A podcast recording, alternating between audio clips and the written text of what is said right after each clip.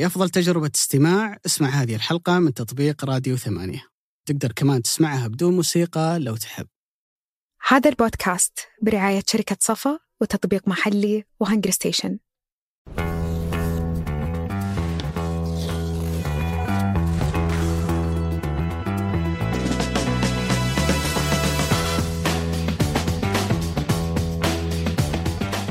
حياكم الله في حلقة جديدة من بودكاست مرتدة الحلقة التي تم تسجيلها ليلا على غير العادة. تحدثنا في هذه الحلقة عن أحداث الجولة 13 من دوري روشن السعودي عن الفوز الصعب لنادي الهلال على التعاون عن تعامل جيسوس مع الغيابات الكبيرة اللي عانى منها الفريق عن متروفيتش وتألقه في مثل هذه المباريات. أيضا تحدثنا عن تعامل شاموسكا واللعب بخمس مدافعين ضد خصم مثل الهلال. أيضا تحدثنا عن إقالة نونو سانتو عن أيضا هاتريك كريم بنزيما في المباراة اللي فاز فيها الاتحاد بالأربعة اثنين عن مشاكل الاتحاد ومستقبل الاتحاد قبل شهر من مونديال الأندية وفي ظل هذه الظروف دار بيني وبين عبد الله كذا نقاش حاد حول كورونادو. هل كورونادو اللاعب الأمثل للاتحاد في هذا التوقيت؟ في واحد قال إيه في واحد قال لا. وأيضا تحدثنا عن المستويات المميزه اللي قدمها النصر. مع كاسترو التألق الكبير ودور رونالدو كقائد في المنظومة. والفريق تحدثنا عن المرونة التكتيكية ومرونة اللاعبين النصر تحديدا في التعامل مع الأدوار المختلفة اللي يطلبها منهم المدرب عن تعامل كاسترو مع الغيابات والإصابات. أربع خمس لاعبين الفريق لا يتأثر ورايح في سلسلة انتصارات متتالية. برضو تحدثنا عن النادي الأهلي التعثر اللي جاء بعد ما كان الأهلي متقدم 2-0 على ضمك فجأة لقى نفسه 2-2 في آخر الدقائق عقلية اللاعب الأهلاوي في التعامل مع هذه المباريات هل يسري يتحمل هذه المشكلة أو اللاعبين ما يتحملونها؟ هل فعلا سام سيمان اللاعب اللي اللي كثيرة إصاباته في الجولات الماضية، هل فعلا لاعب عنده إصابة مزمنة ولا جالس يتحامل على نفسه؟ برضو تحدثنا عن مستقبل الأهلي ومدى تطوره في الجولات القادمة. حب أشكر رعاتنا شركة صفا وتطبيق محلي. أما الآن نترككم مع الحلقة. حياك الله يا أبو علي. اليوم ما في صباح الخير اليوم في مساء الخير. صحيح يعني يمكن أول مرة أسجل الليل ومشتي لعلك مشتي بدري يا أبو عالية. ف لا أموري تمام في تغييرات عديدة في أموري تمام بس أنت إحنا مسهرناك شايب أنت. تنام بدري تقوم بدري اخاف عليك. لا لا ما عليك. في, س... في سبيل العمل عادي كله يهون. طيب جولة. خلينا نقول لك ما صار فيها أشياء غير متوقعة باستثناء خلينا نقول خسارة الشباب من من المتذيل الترتيب في وقتها الرايد وفي نفس الوقت انتصار هلالي استمرار سلسلة الانتصارات الهلالية ال 11 تواليا واستمرار برضو لانتصارات النصر المتسلسلة باستثناء الحالة اللي تعادل فيها مع أبها. الفريق يسير في نسق جدا ممتاز. تكلم برضو عن الحدث الأكبر أو الأبرز إقالة نونو سانتو من تدريب نادي الاتحاد والبداية اللي بدأها الفريق بعد نونو سانتو بهاتريك بنزيما ورباعية ومباراة كذا جميلة. أه تبين لك قديش عرفت اللي, لما تجي إقالة لا تحكم على الفريق بعد الإقالة يجيك كذا الفريق مستحيل يخسر. ما تدري ما يجي. المباراة الأولى. بس اشوفك شوفك كأنك ما أنت معتبر تعادل الاهلي مفاجأة. أه لسه الحين بتكلم على الأهلي أنت بتورطني من جمهور الاهلي برضو تعادل الأهلي اللي كان صراحة يعني مش مفاجأة بقد ما هو طريقة المباراة نفسها، السيناريو حق المباراة، ممكن لو قلت لي الأهلي وضمك أو ضمك والأهلي في في عسير في أبها بقول لك مباراة صعبة على الأهلي خصوصا بالظروف اللي مر فيها الأهلي، ولكن من السيناريو اللي مر فيها المباراة ما كنت صراحة أشوف بالضبط يقهر. وتشعر انه كذا خلي خليها في في الحلقة عشان ما ما ما ناخذ الأمور في غير سياقها. طيب كيف شفت الهلال والتعاون؟ تقريبا قمة الجولة؟ صحيح. يعني أعتقد إنه وواحدة من مزايا التعاون هذا الموسم أن كل المباريات اللي بيلعبها أمام الأندية اللي أعلى منه في الإمكانيات وفي المستوى ويمكن حتى في مركز الترتيب زي مباراتها مع الهلال دائما بيعطيك قيمة. يعني تحس أنه قدامك فريق بيتعبك في أرض الملعب آه عنده أسلوب لعب واضح عنده منهجية واضحة مع شاموسكا هذا الموسم.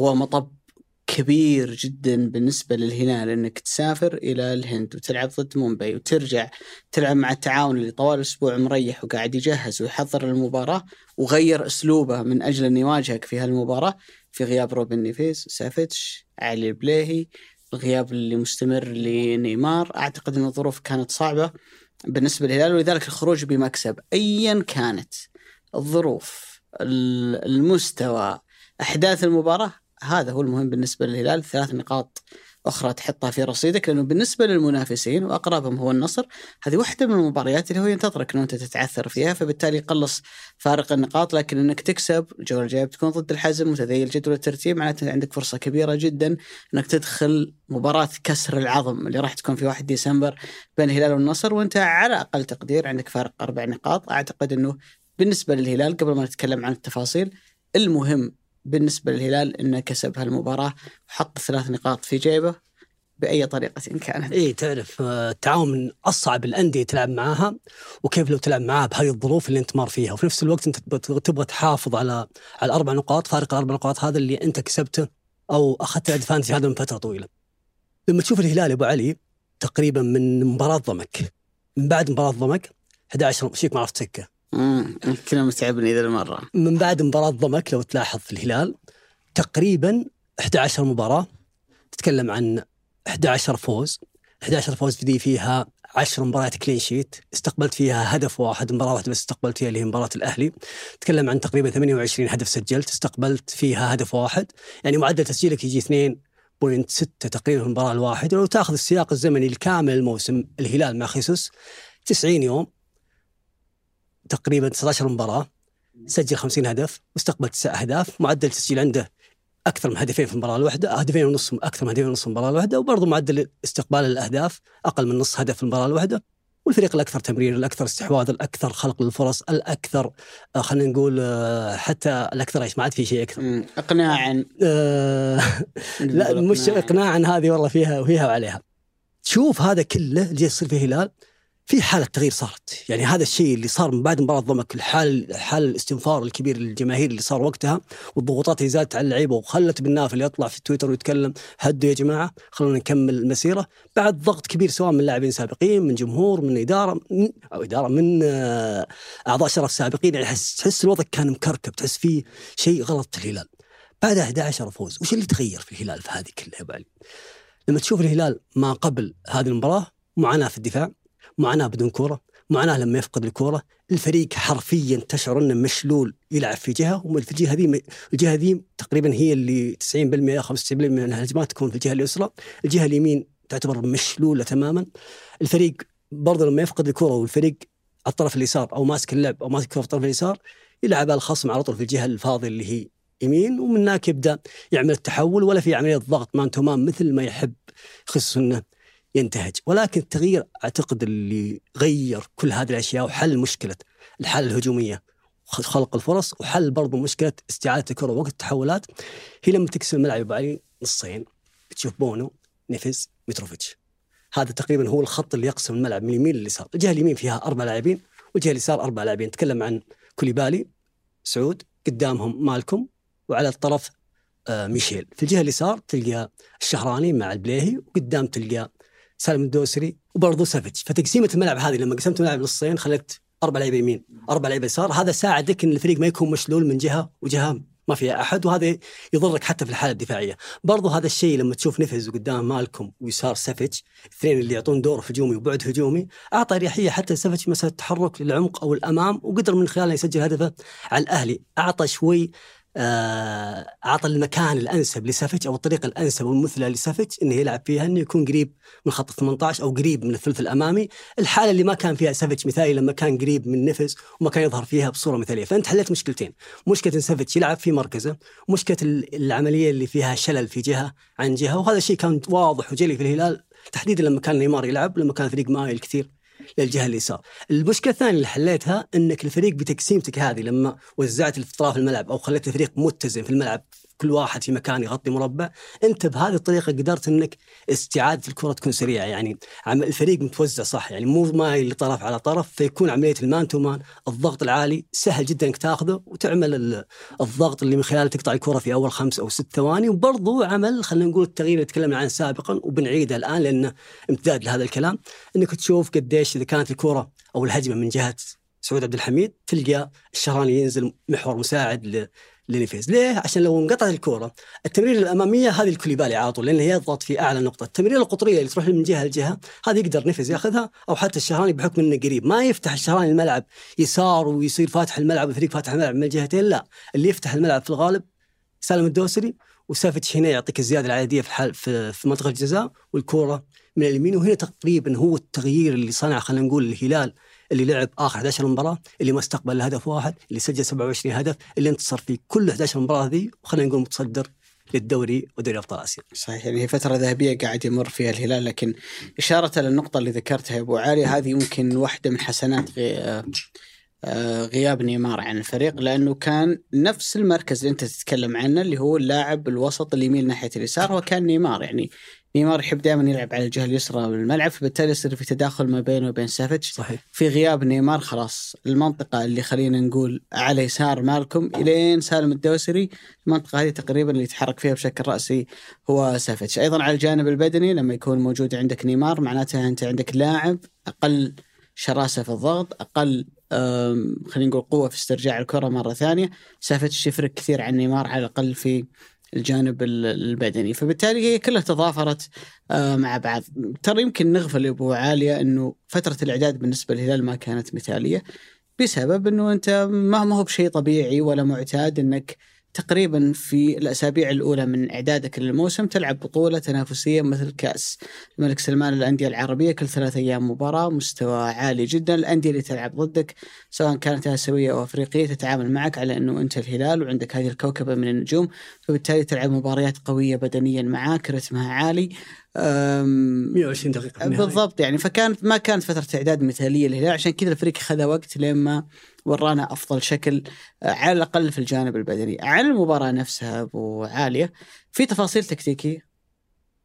رسم تحرك لاعبين في تفاصيل ثانية ما تقدر إنه أنت آه، تغفلها. بأمانة قبل المباراة كان في لقاء سريع في ال flash interview مع شاموسكا. سؤال كيف تحضيركم للمباراة؟ قال نصا تكلم عن ال mentality الجانب العقلي كيف إني أنا المفروض إني مهيئ لعيبتي إنه هذه المباريات تكسب من خلال التركيز من خلال الذهنية من خلال الاستعداد الذهني لمثل هالنوع من المباريات. ما بعد المباراة أشرف المهداوي كابتن نادي التعاون تكلم وقال إنه إحنا لعبنا مباراة كويسة بس في لحظة معينة غفلنا الهلال خطف المباراة من خلال الهدف اللي سجله متروفيتش. رأي شاموسكا ورأي أشرف المهداوي الاثنين يتكلمون عن خطورة التعامل مع الهلال في مثل هالنوع من المباريات. كفريق يقدر أن يركز إلى دقائق المباراة الأخيرة يعرف يخطف منك المباراة حتى لو ما كانت مباراة مثالية. بأمانة الهلال بدأ المباراة بشكل رائع جدا كان يضغط من البداية كان في يمكن في الدقيقة الأولى من المباراة كان في كرة خطيرة من مالكم شالها عون السلولي من على خط المرمى وظل الهلال يحاول طوال المباراة تحديثا عن طريق متروفيتش بعد ذلك سجل من موقفين آه ثابتين. لكن خلينا نرجع لشاموسكا اللي أعتقد إنه خذ قرار في المباراة. في ظني إنه ما كان قرار موفق ضر بالتعاون كثيرا نوعا ما سهل المباراة على الهلال. لما أنت تحاول تدرس الهلال كمنافسك في المباراة واضح إن الهلال عنده نقطة ما بقول نقطة ضعف بس عيب أنت تقدر إنك تشتغل عليه وتبني فريقك بناء على العيب هذا اللي موجود في الهلال. في كل المباريات الماضية الهلال لما يحاول يبني كورة من الخلف يبنيها بعلي بليهي على اليسار كوليبالي على اليمين روبن نفيس يسقط ما بينهم الاثنين. اثنين من الثلاثة هذول ما كانوا موجودين في المباراة. مكان علي بليهي حسان تمبكتي صحيح. ومكان روبن نفيس كان عندك محمد كنو. وفي المركزين انت بتتكلم عن لاعبين أقل من البليهي وروبن نفيس على الأقل في نقطة بناء اللعب. يعني علي البليهي رجله يسار يطلع بالكورة تمريرات اللي ما بين الخطوط آه، ممتازة متعود إنه يلعب فيها المركز ومعتاد على المنظومة اللي اللي موجودة معه. فبالتالي مغري جدا بالنسبة لك إنك تضغط عليهم. ناصر الدوسري واحد من اللاعبين اللي لما يلعب وظهره للمرمى المنافس يعني لما يكون معطي وجهه ياسين بونو أو محمد كانو ترى ممكن إنك تضغط عليه في ظهره وتفك منه كورة. كذا كورة في المباراة. شاموسكا قتل الفكرة هذه حرفيا لما قرر أنه يبدأ بخمسة ثلاثة اثنين. وترى المشكلة يا أبو عالية ما كانت في الخمسة بقدر ما أنها في ثلاثة اثنين لأنه هو كان يلعب خمسة مدافعين. نزل عون السلولي مع خيرتو مع وليد الأحمد. لكن في تركيبة الوسط كان يلعب أشرف المهداوي ستة بحسين على يمينه الفارو مدران على يساره وماتيوس مع جواو بيدرو كمهاجمين. فبالتالي أنا لما أجي أضغط على الهلال في مرحلة بناء اللعب أنا أروح أضغط باثنين ماتيوس جواو بيدرو فأنا قاعد أقابل ثلاثة وراهم حارس مرمى وناصر ينزل يستلم آه، في أحيان كثيرة قريبة منهم فبالتالي الهلال عنده زيادة عددية واضحة عليك. فأنا ما أقدر أضغط على الهلال في ثلث الدفاعي وما أقدر أفك الكورة في مناطق عالية فبالتالي أنا بستقبل اللعب طول الوقت وبحرم نفسي من فرصة إني أقطع الكره في نقطة متقدمة، ليش قلت لك العلة ما كانت في الخمسة؟ كان ممكن ألعب خمسة أربعة واحد. okay إني ألعب بمحورين أشرف ومدران وعلى الطرف اليمين ماتيوس. وعلى الطرف اليسار آه، موسى طبعا. بارو وقدامهم جواو بدرو فبالتالي في حالة الضغط أنا لأني مؤمن بخمسة في الخلف أنا ممكن أضغط باثنين ويزيد معاهم واحد اللي هو مثلا آه، جواو آه، بدرو يكون هو كلاعب يقود عملية الضغط مع الطرفين وأمن باثنين أشرف ومدران. فكانت صراحة يعني في ظني إنه تركيبة غريبة جدا من من شاموسكا في المباراة. سهل على الهلال نوعا ما هال- هالموضوع. والهلال كان عنده يعني عيب واضح واضح في هالنقطة. أتوقع لو قابل أندية ثانية مستقبلا بنفس التركيبة بيبان انه كانوا ناصر ما هو بأحسن اثنين صحيح. يطلعوا لك ال- الكورة واستقبل التعاون في ظني اللعب أكثر مما ينبغي في المباراة. ولذلك كل الفرص اللي أنت بتحاول تتذكرها كفرص خطر للهلال في المباراة هي عرضيات؟ باستثناء حقت سالم اللي سحب فيها بس. يعني أغلبها كانت عرضيات معناتها إيش؟ إنك أنت تسمح للفريق إنه يوصل للثلث الأخير فبالتالي بيغرق 18 على قولة عبد الملك. رش عرضيات من. يمين ومن يسار. وبتلاحظ اي إن الأندية أصلا اللي أقل من الهلال إمكانيات. تكلم عن مباراة مومباي. لما كانت صفر صفر انفكت المباراة بكرة عرضية. صحيح. اللي سجلها ميشيل. قبلها مباراة نساجي اللي كانت في إيران فكت المباراة بكرة عرضية. غالبا لما تلعب ضد الأندية اللي أقل منك إمكانيات وتتراجع إلى مناطقها الدفاعية المباريات اللي من هالنوع غالبا ترى تنفك بكرة آه، عرضية. فبالتالي أنت سمحت الهلال أنه يوصل ثلثك الأخير. ويلعب هذا الكم الكبير جدا من الكرات العرضية عليك. بينما كم من الممكن أنك أنت تخلق مشاكل الهلال أقلها أنت عديت الشوط الأول. صفر. صفر صفر. الشوط الثاني مرت عشر دقائق ربع ساعة. أنت هنا لو ما بديت تاخذ قرار أني أنا ببدأ أخنق الهلال ترى الهلال بينسى كل الأوراق الهجومية اللي صحيح. موجودة عنده وهذا اللي صار لما نزل عبد الله الحمدان والهلال وضع مزيد من الضغط عليك إلى أن سجل من موقف ثابت اللي كان تقريبا إن كل المباريات اللي لعبها التعاون آه كلها ثلاثة ثلاثة بإستثناء مباراة النصر. النصر. ومباراة الهلال. يعني كل الطريقتين كانت خمس مدافعين كان يبغى يأمن كان يبغى كان يخاف انه إن هذا ال- القوة الهجومية اللي يملكها الفريقين من ناحية الثلاثي أو الرباعي الأمامي إني أخاف إني امن وألعب على المرتدة. ولكن مغ- مغري جدا الهلال وصل لك بهذه الإصابات. مغري جدا. فعلا إنك تضغط عليه يعني. وبهذا إرهاق يعني الفريق تو جاي من سفر وضغط مباريات. بالضبط. وأنت عندك موسى بارو أنا دائما أشوف موسى بارو ممكن ترى مو من اللعيبة اللي يطلع لك مباراة الصغيره أو مباراة مم. بس انه مباراة الكبيرة تشعر إن هذا اللاعب لاعب مختلف مو هو نفس موسى بارو اللي إحنا نعرفه. يعني مم. مع اتحاد تذكر له كورتين في القائم. صح. آه أنا قلت لك قبل نعلم الأهلي. مباراة الأهلي. أنا قلت لك علم علينا في الإنتر. كان يعني مجننا تجنين فهو دائما مباراة الكبيرة ما يظهر وبعدين لاعب سريع. عنده القدرة إنه ياخذ السباق السباق السرعات اللي في المساحة اللي يتركها الهلال 30 40 50 متر وقادر إنه يخلق لك حل حلين. وفي نفس الوقت أنت هذه الطريقة اللي يمشي عليها الفريق في العشر خلينا نقول مو 10 حتى 11 مباراة اللي قبل هذه أنت لاعب 4 3 3 فأنت لو استمريت بهذه الطريقة وضع الهلال مغري ضغطت الهلال في ملعبه حاولت إنك تشكل عليه خطورة هنا ممكن تروح المباراه لمسار ثاني. ولكن الهلال يا أبو علي خليني أقول لك ان إن خيسوس انتبه أو شاف أو عرف إنه قدامه خمس مدافعين لما ينزل كأنه يستلم الكورة ويوسع ويروح حسان يمين وكليبالي أو حسان يسار وكليبالي يمين. تشوف الشهراني تمركزه الظهير وسعود عبد الحميد وقت ما تكون كرة مع كنو طالعين مشكلين كأنهم مش أظهرة كأنهم جن أجنحة. يعني تتكلم لما تشوفهم من فوق بتب فيهم الملعب من فوق بتشوف متروفيتش الشهراني سعود. مم. تحتهم في في الزوايا هي كلهم تحت. اي موسعين الملعب تحت. صحيح. تلقى مالكم تلقى سالم الدوسري. هذا ليش ليش الشيء ذا عمله خيسوس؟ أول شيء تلعب خمس مدافعين يتعاون. أنا هنا لما أدخل لاعب عليك ممكن أفتح مساحة. ليش أنا ما أخلي سالم مكان الشهراني ليش أنا خليت الشهراني قدام؟ عشان سالم ولا مالكم من اللعيبه اللي يقدرون يأخذون الكورة يركضون فيها 10 20 30 متر قادر يأخذون الحل الفردي قادر يلعب ال1 2 قادر يلعب يعني قادر يخلق له حل وعنده لاعب إضافي اللي هو سعود أو الشهراني اللي بيخدمه. لو ما لو هو أخذ الكورة من المكان هذا والشهراني مو فيه حيكون في سهولة في عمليه الضغط عليه من لاعب أو حتى لاعبين. في نفس السياق ممكن واحدة من أجمل مباريات بونو ديما بونو. صحيح.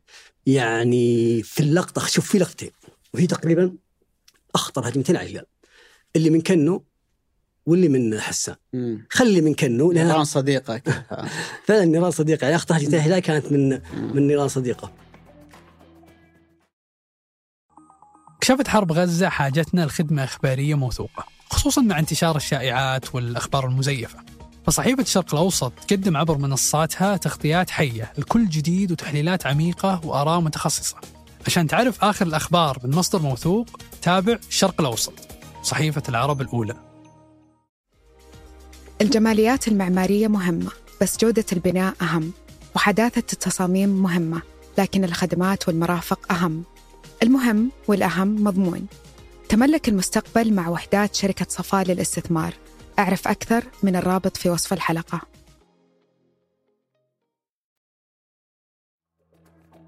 فخليك من حقت كنو. حقت كنو كروه صعبة. صعبة جدا بعد. بس صد لها حقت حسام ما هي صعبة. ولا صعبة جدا. صعبة جدا جدا جدا, جدا. والله حرفيا لقطة مستحيلة. يعني لو ما كان أنا ما أتكلم عن ردة فعل. كل أكثر أي حارس مرمى تلقى عنده ردة فعل وتختلف ردة الفعل من حارس لحارس ولكن ردة الفعل ذي تحتاج لموقف تشريحي صحيح عشان أنا آخذ ردة الفعل هذه. يعني إذا كورة عرضية وغالبية الحراس ويعذروني يعني لو لو إني أكون قاسي شوي بس غالبية حراسنا لما تكون الكرة على الطرف يمين تلقى واقف زي كذا. وكأن عنتر بن شداد ياهو خليك واقف. زين تركيزك عالي ودائما تكون نازل تحت. ليش تكون نازل؟ عشان تكون يدينك قريبة من الأرض. لأن الكورة لما. تجيك في أي لحظة وفي أي ثانية أنت غير متوقع. فلما لعبت العرضية يعني نسبة أصلا تركيزك أنت كحارس بالكرة العرضية ونازل عليها حسان ما تتوقع ولا واحد بالمية أنها بتجيك لو حارس ثاني ممكن ما يتوقع أنها بتجي بس بونو كان مرة ح- يعني حذر لأبعد درجة وحتى لما لعبت العرضية كان حاسب حساب هذا الشيء يعني لو ما كان حاسب حساب هذا الشيء كان تلقاه واقف زي كذا. وكان منزل يدينه وهذا الشيء خدمه صح. لما عمل ال reaction وردة الفعل أنا موقف تشريحي ممتاز. فانا لما اعمل ال reaction بطلعها وفعلا قدرت أطلعها بحكم انها قريبة وترى هي صعوبتها مو لأنها أرضي صعوبتها إنها جنبك. هي لو إنها بعيده تقدر تروح صح. تاخذها بال, بال... أنا شكلي طلعت من فريمات الفيديو تقدر تاخذها مم. ب- بقفزة بس إنها. تحت أنت نزولك لازم يكون سريع صحيح فأعتقد يعني أغلب كل إيه، أغلب الحراس أبو عالية في موقف زي هذا تلقاه يتحنط تحط إذا لي مد رجله. عرفت الكورة اللي أصلا زميلي إيه، فاجئني ان العبها علي فبالتالي يجيك تجيك التهنيقه ذي الكوره تمر جنب الحارس بعد كذا بعد يبدأ يهاوش المدافعين ولا إيش صار كذا وكذا. آه،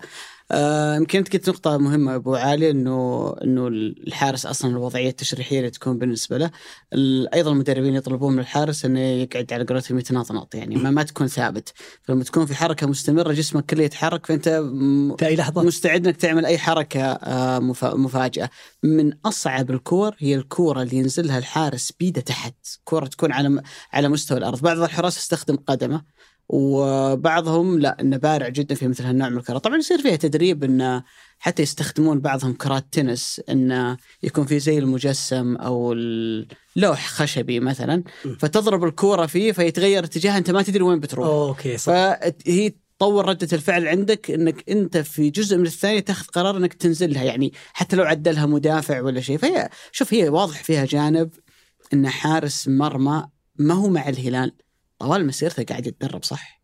قاعد يتطور على مستوى التكنيك وعلى مستوى ردة الفعل والأهم من ذلك كيف إن اللاعب حاضر ذهنيا في مثل هالنوع من المباريات ومركز بشكل كبير جدا. أعتقد إنه في كثير حراس موجودين. البعض منهم مثلا ترى ممكن يكون وزنه زايد. نزول مثل هالنوع من الكرات يكون صعب عليه. البعض منهم ممكن يكون طويل يعني مثلا زي كورتوا. تكلم عن حوالي مترين فالنزلته تكون صعبة دائما دي خيا وكورتوا ياخذونها برجلهم. إي ميزة ميزة آه، بونو إنه ما شاء الله تبارك الله يعني رشيق تحس إن الرجل جسمه خفيف في ليونة. فيقدر يجيب مثل هالنوع من الكرات. أعتقد إنه ذي المباراة وترى تكلم عنها الفارو مدران بعد المباراة في في مقابلة كان المباراة كان ممكن تروح لنا لولا ان بونو قعد لنا يعني. يعني بونو هو هو اللي غير مسار المباراة ما- وان كانت يعني كورتين من من لاعبي الهلال. لكن إذا أنت بتجيب حارس مرمى أجنبي يا تجيب من ذا النوعية يا استريح بأمانة. يا أجيب حارس مرمى يغير لي مسار المباراه يغير لي مباراة أنا كان ممكن إني أخسرها أرجع أكسبها مرة ثانية أو إنك يعني اكتفي بلاعب في أرض الملعب ازين خلك على اللي على اللي موجودين عندك. فأعتقد إنه بأمانة كان في في تصوري إن قروه يوصلنا إلى مستوى صعب جدا صراحة إن حارس مرمى ثاني آه يوصل. لا ما نبغى نتسرع في الحكم ونقول والله إنه عدى قروه لأن قروه عمل صراحة عدة مواسم رائعة لكن بالنسبة للهلال بأمانة أنا ما شفت حارس في ال level هذا يعني كل اللي شفتهم حرسوا مرمى الهلال. أنا ما شفت أحد في ال level اللي موجود فيه ياسين بونو حاليا. أتمنى له التوفيق الهلال ميزته يا أبو علي ولا أقطع كلامك. إنه إنه عنده وفرة كثيرة في أرض الملعب، يعني عنده لعيبة كثير في أرض الملعب في أي خانة تبغاها. باستثناء خلينا نقول الظهير أو مشكله الظهير الأيسر عنده وفرة. فلما تجيب حارس أنت already تملك squad عاليه واسماء كثيرة فعادي تجيب حارس مرمى بقيمة عالية. بس بعض الأندية اللي ما عندها وفرة في ال- في العنصر الأجنبي أو ما عندها وفرة في العنصر المحلي أنت حرام تضيع مركز أو تضيع خانة في في حارس المرمى أنت تضيع أنت تاخذ مركز في أرض الملعب. ما لاحظت شيء في الهلال أبو علي؟ فترة خيسوس أو جيسوس عشان ما تزعل علي الفترة هذه تقريبا اللي اللي ثلاث شهور أربع شهور الهلال من أفضل الأندية أو من أفضل أفضل نادي في عملية ال- الكور الثابتة اللي عليه يعني الهلال. أقل نادي استقبل أهداف من كور ثابتة هدف واحد بس اللي هو هدف ضمك واللي لو العادة أتوقع 20 مرة ممكن ما يجي يعني خطأ. تونا نمدح بونه ولكن لا خطأ يعني وتسديده مباشرة يعني ما تقول يعني فيها- كره مرفوعة واحد طقها بالراس فبالتالي تقدر تلوم على المدافعين بالضبط. فالهلال اللي دائما يعاني من الكره الثابته الهلال الركنيات الفاولات ايا تكون دائما تشكل عليه خطورة. الهلال هذا الموسم بس هدف واحد واللي هو هدف ضمك مم. وفي نفس الوقت الهلال جالس يلقى حل فيها. يعني الهلال جالس يسجل منها مو من اليوم أو مباراة أمس اللي جاء فيها هدفين بالراس أو عفوا هدف هدفين من كرة ثابتة. لا حتى البطولة العربية سافيتش سجل فيها. ومباريات كثيرة الهلال قاعد يسجل فيها من مواقف ثابتة. وهذا شوي ترى مهم جدا عند الفريق إنه يكون عنده حل من الكرة الثابتة. الغريب أبو علي إن اللي دائما ما كان يوصف إنه فريق كويس في ال- استغلال الكرة الثابتة اللي هو التعاون يع- يعاني منها بشكل كبير جدا. الهدفين اللي كانت امام الهلال الهدف اللي أمام الخليج كان من كرة ثابتة. أتذكر أمام الأهلي استقبل من كرة ثابتة. على الأقل نصف أهدافهم اللي استقبلوها هذا الموسم كانت من مواقف ثابتة وهو حل أكيد إنه مهم جدا بالنسبة للهلال وظهر في آه، أمام التعاون اللي يعاني من مشاكل آه، في هالجانب تحديدا. لكن أعتقد إنها واحدة من المباريات الرائعة جدا لمتروفيتش بسبب الهدف اللي تقريبا هو اللي فتح المباراة للهلال وحقق ثلاث نقاط في خزانة الهلال وقبل المحاولات اللي كانت في الهدفين اللي اللي, اللي تم آه، إلغائهم. بس في الهدفين اللي تم إلغائهم وفي الهدف اللي سجله متروفيتش وتم احتسابه في قاسم مشترك لو لو الواحد ينتبه له. متروفيتش ليس من نوعية المهاجمين اللي لو أنت مدافع بيقطع قدامك. فهو يكون ذكي في التحرك إنه يجري قدامك يخطف الكورة قبل. زي راموس. هو دائما يحط يحطك أنت بينه وبين الكورة بس يقدر ياخذها عليك. يعني قوي بدنيا لدرجة مرعبة. يعني لو تلاحظ الهدف الأول اللي تم إلغائه المدافع بينه وبين الكورة. الهدف الثاني نفس الفكرة مدافع بينه وبين الكورة. الهدف الثالث المدافع بينه وبين الكورة. في مهاجمين هو ذكي إنه ممكن ترى يخدعك إنه يروح بك على القائم ال- البعيد ثم يجري على القائم الأول. يمكن أتذكر أجمل لقطة كانت زي كذا هدف ياسر قحطاني على تونس 2006 صحيح. إنه ضحك على المدافع سوى نفسه بيروح على القائم البعيد بعدين قص على القائم الأول.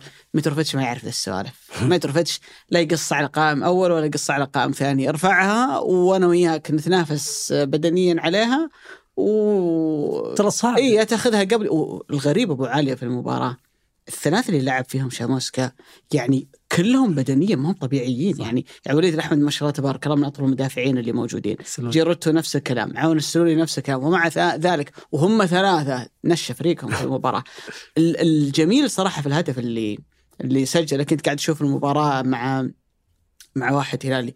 وكذا فرح لما جاب ميتروفيتش هدف. الهدف هذا في في شيء صراحة أنا أحبه. أنا أحب المهاجم اللي في مثل هالنوع من المباريات اللي خلاص هي وهي واضح إنها مباراة 1-0 مخنوق. واضح إنها مباراة أنت على قولتهم اضرب واهرب. اللي عنده استعداد إنه يحط راسه في الكورة حتى لو ممكن حطت راسه دي تكلفة خمس ولا ست غرز أنا بحط راسي. ما, أنا ما قتالية يخاف. إي يعني الكو... هذا جرينتا الإيطالي بالضبط يعني يعني. هو نازل الكورة بالراس في موضع يخشى أي لاعب إنه يضع قدمه فيه. صح. وهو نازل حاط راسه على الكورة يعني. فأنا الهلال صراحة محظوظ محظوظ جدا في في متروفيتش إلى جانب انه كونه لاعب هداف وعنده رغبة كبيرة وتحس إنه يمكن قلنا ذا النقطة عنه انه أول مرة يلعب في فريق ينافس على الدوري ينافس على الأهداف الكبيرة جدا اللي اللي موجودة فبالتالي عنده رغبة وحافز كبير جدا. جوع وتكلم بعد المباراة وقال إني أنا مرة مبسوط بالجمهور. هذه نقطة لن يجدها في الدوري الإنجليزي ابدا. اللي يقول الجمهور هوم ولا أوي في كل الملاعب يعني تحس إنه إحنا جمهورنا موجود وحاضر. لكن أنت بالوضعية الحالية قاعد تأخذ أفضل ما لديه. أعتقد إنه متروفيتش هي صفقة لولاها أعتقد كثير في الهلال كان بيتغير هذا الموسم. آه لأنه قالها جيسوس بعد مباراة الفيحة قال الفريق يفتقد إلى مهاجم ولو كان عندنا مهاجم كان ذا المباراة كسبناها لأنها شبيهة ممكن مباراه التعاون صحيح. فيها فرص كثير جدا لكن ما ترجمت إلى إلى أهداف. آه هو خلينا نقول صفقة عوضت الهلاليين عن طول صبرهم اللي كان في الصيفية كان صفقة المهاجم يمكن نشفت ريقهم إلين آخر لحظة لكن أعتقد أن يعني- عوضهم عن صبرهم يعني الصربي. أصعب مباراتين للهلال هالموسم كانت مباراة الاتحاد كانت مباراة الف- آه، التعاون. مم. وفي هالمباراتين ظهر بلقطات صراحة يعني تجلى. يعني الهدف الأول اللي على الاتحاد يعني كرة شبه مستحيل إنك تسجلها. برضو في الهدف ال- الثاني اللي لما قاتل على الكره في حتى آخر لحظة وبرضو في الهدف اللي سجله على التعاون. آه أنا أتفق معك يعني. وفي ناس تنظر يا ابو علي للمهاجم اللي اللي ثابت هذا المهاجم الثابت إنه ما يناسب أسلوب الهلال. أو. أو ممكن لو إحنا جربنا مهاجم متحرك مثل خلينا نقول على سبيل المثال بنزيما مثلا. مم. ممكن تتغير نظرته. ممكن يكون الفريق أمتع من انه يكون اللعب كله على المهاجم لا أنا أجيب لاعب يلاعب الفريق معه ويصير الفريق أكثر متعة. ولعل هذا الشيء اللي مشى عليه الهلال ترى سنوات طويلة. يعني حتى مع في في ظل تحديدا في ظل وجود ياسر في فترة طويلة في الهلال كان ياسر مو مهاجم اللي ثابت قدام اللي لاعب الفريق معه وخلى الشيء هو في في يوم من الأيام هداف للدوري وخلى الاظهره عفوا الأجنحة في الهلال يكون عندها سجل تهديفي عالي ولا قد فاز أو حقق لقب هداف الدوري ياسر. يعني في طوال الفترة وبسبب طريقة اللعب أو ستايل اللعب اللي هو يلعبه. طيب نروح للماتش الثاني. اللي اللي جاء بعد إقالة نونو سانتو. إقالة ما كانت تحديدا مفاجأة بالنسبة لي. النتائج اللي مر فيها الاتحاد. يعني آه، تذبذب المستوى الخسائر المتتالية آه، خسارة اقترابك من خسارة أهداف الموسم. تتكلم عن بطولة الدوري تبتعد عن الصدارة بفارق كبير من النقاط. تبتعد برضو أو خسرت واحد مباراة مهمة في في دوري أبطال آسيا. كان ممكن تحسمها. وتضمن التأهل وتريح وترتاح في الجولات القادمة. نفس الكلام عندك استحقاق مهم اللي هو كأس العالم للأندية اللي تتمنى يعني تتكلم عن عن نادي الاتحاد. بطل الدوري بطولة على أرضك. أنت عامل ميركاتو تاريخي السعودية كلها. فلازم التحدي اللي عندك أنت مختلف عن كل التحديات اللي مر فيها أي نادي سعودي شارك كأس العالم للأندية. أنت جاي بعد ميركاتو تاريخي عندك واحد عندك كرة ذهبية واحد عندك كأس عالم واحد جايب دوري مع ليفربول. عندك قائمة squad تاريخي. وفي نفس الوقت بطولة على أرضك. فلأجل هذه الظروف ما كانت يعني حسوا شوي بتوتر إنه هل نونو سانتو قادر إنه ياخذ الفريق لهذه المرحلة أو لا؟ تمت إقالة المدرب شفنا ردة الفعل وأنا دائما أقول المباراة الأولى اللي بعد أي اقالة اي مدرب هذه هذه يصير فيها اللاعب سبحان الله يقلب سوبر سوبرمان كل اللعيبة يقلبون سوبرمان كذا ويقدمون لك أحلى وأعظم مباراة وكأن العلة والسبب في المدرب بعدين تبدأ تبان لك المشاكل العيوب المدرب هذا اللي يجيك مؤقت دايم محظوظ ترى لأنه يلقى فريق عنده جوع وتعطش إنه يفوز ويقدم أفضل ما لديه ما أقصد حسن خليفه بالاسم ولكن هي بال- شكل. بالشكل العام آه في المباراة نفسها يا أبو علي. شفنا حسن. قبل المباراة أبو علي ما لاحظت شيء؟ وش؟ طلع نونو سانتو من هنا قفل الباب دخل حجازي دخل العبود دخل كورونادو دخل فابينيو اللي كان مصاب واللي يقولون إنه مريض واللي فجأة كلهم رجعوا. أول تمرين بعد نونو سانتو ولا. ولا في أحد في شيء. ممكن شوف في مسألة حجازي آه لا ما يعني رجع الرباط ورجع يتمرن يعني يخليه عادي. بس شو معنى ما رجعت تمرن إلا في ذا اليوم؟ والله تفسرها انت ما تفسرها. أنا بالنسبة لي شوف يعني العبود okay. فبني والله ما اعرف. برضو من الثالث من الثالث الرابع كورنادو. لا كرونالدو يغيب يرجع دائم يعني مو- ما هي ما هي أول إصابة. هل هل المستوى اللي لعب فيه قدام في قوة المباراة أمام أبها يحسك إنه هذا واحد جاي من إصابة ويا عيني كان تعبان ما يقدر يلعب الفترة الماضية. والله نشاط أنا أنا أنا ما عندي معلومة بس أنا أقول لك كان غريب بالنسبة لي كمية الأسماء اللي كانت غايبة في الفترة الماضية وفجأة كلهم رجعوا في هل وقت تعتقد ان في يعني. صراع في غرفة ملابس في اي الاتحاد؟ ما, ما يبي لها كلام ذي الصراع هذا جاي من من لحظة بداية الموسم يعني أنا أقول- اللي صار بين خلينا حتى حمد الله ما لعب مم. بس محمد الله مصاب أتوقع. هو مصاب مصاب. فعلا يعني هاي لا كانت في لقطة له في في العراق كان يعرج. واضح إنه عنده مشكلة يعني. يعني فهي هي بداية أصلا من بنزيما وحمد الله. والقصة الشهيرة صارت في. في البطولة العربية. وبعدها قضية العبود. ثم بعدها المشاكل الثانية صارت تتراكم على الفريق بدون أي حل. ولين يعني عرفت كرة الثلج اللي تدور تدور مم. تدور, تدور لين تكبر تكبر تكبر. هذا اللي صار حرفيا في الاتحاد. وأنت عندك أصلا وهذا شيء يقهر صراحة. أنت عندك أقوى ميركاتو قادر تشتري من الرف العلوي. وتحطه في فريقك. رحت خليت الرف الرف اللي عندك انت بنفس ما هو بغبرته بذا وخلينا نحافظ عليه. يا أخي عندك فرصة تاخذ من فوق خذ من فوق. شوف هو أعتقد إن اللي شاف تصريح بنزيما بعد المباراة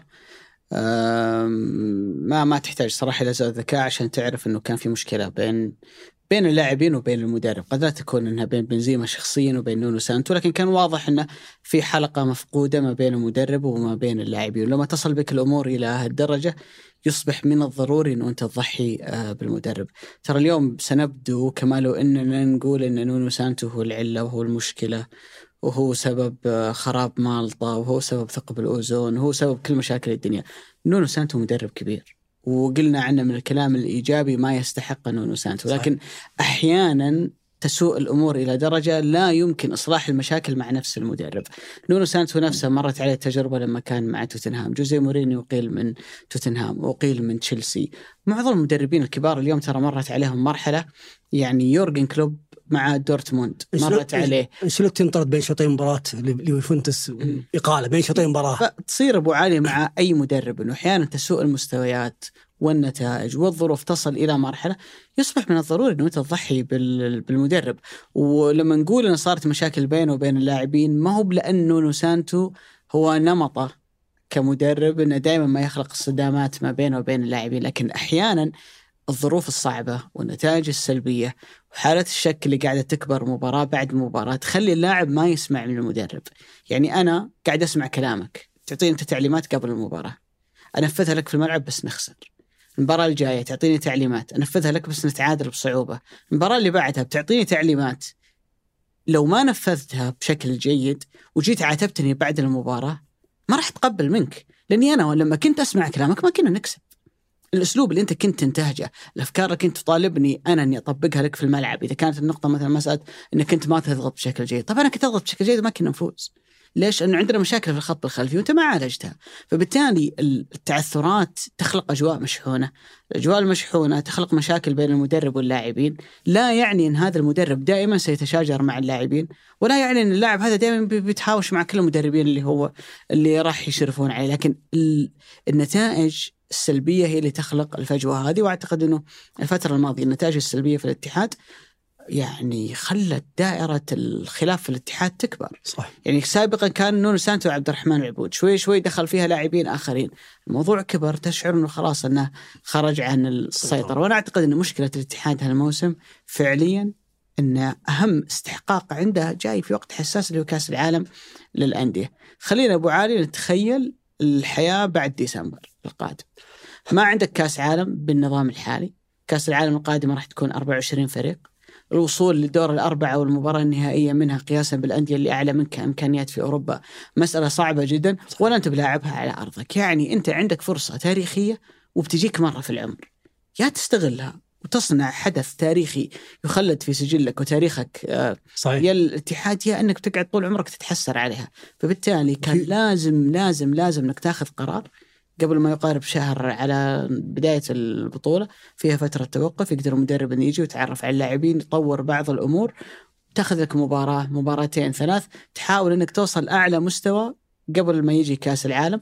في فرق أبو عالية تدخل البطولات المجمعة من تحت. وتبدا تكبر أثناء البطولة. صحيح. أنت تبدأ مو بشرط إنك ترى تبدأ مباراة أوكلاند باكتساح. صحيح. ممكن تكسبها بعدين تبدأ تعطي أداء أعلى في مباراة الأهلي المصري. لو تجاوزته تعطيني مباراة مثلا مثالية وقد تقترب من المثالية أمام فلومينينسي فجأة تلقى نفسك في النهائي. صحيح. فبالتالي الموضوع ما ما هو مستحيل بالنسبة للاتحاد. فكان لابد صراحة من التغيير مهما كانت قيمة نونو سانتو مهما كان الارتباط العاطفي ما بينه وما بين كثير من جمهور الاتحاد لكن ضرورة المرحلة كانت تحتم إنه نونو سانتو لازم يمشي. أنا لو أنا رئيس نادي الاتحاد والله مهما يكلف الشرط الجزائي حقه لا أفسخ عقده خلاص لأنه وصل إلى مرحلة خلاص ما عاد في خط رجعة. صحيح. أنت لو كملت بهذا السوء اللي أنت قاعد تمر فيه اللي بلغ ذروته في مباراة القوة الجوية معناته إنه أنت ذاهب للمجهول.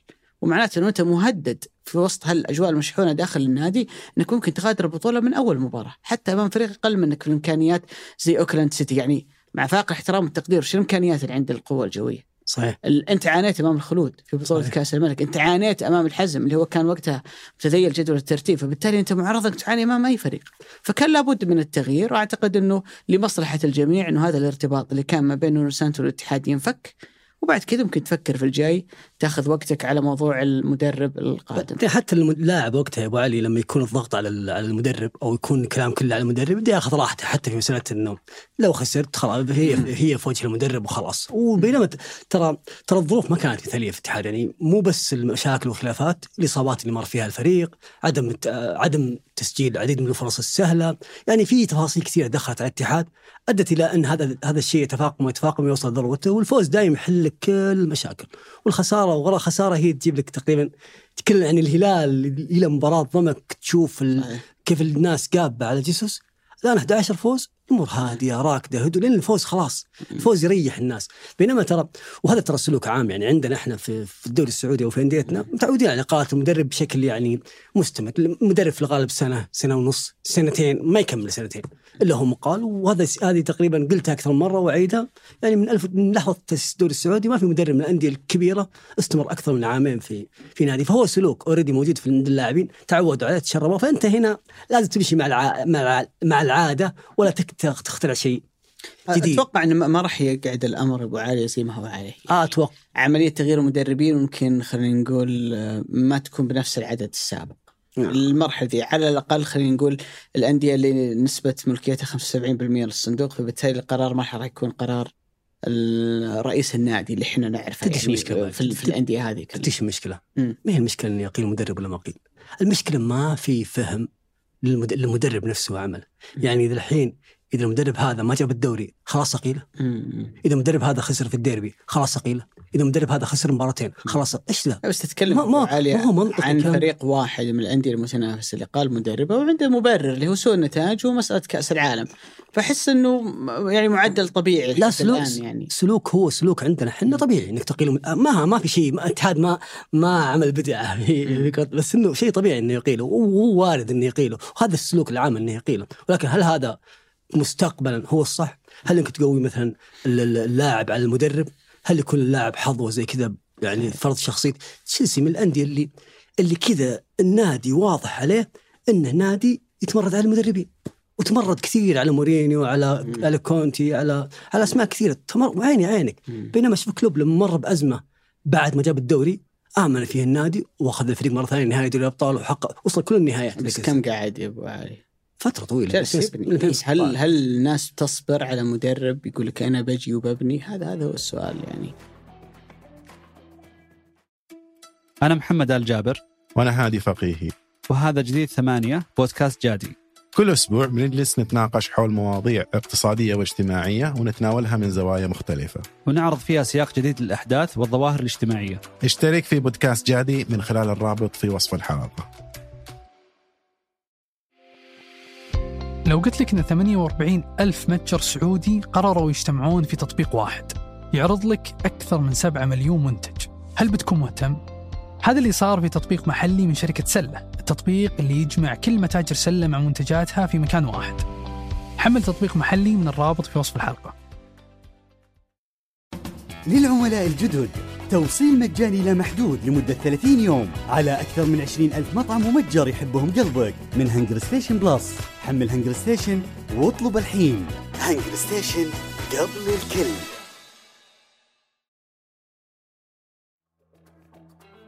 عندنا إحنا ترى دائما نتأثر بال... بالنجاحات السريعة.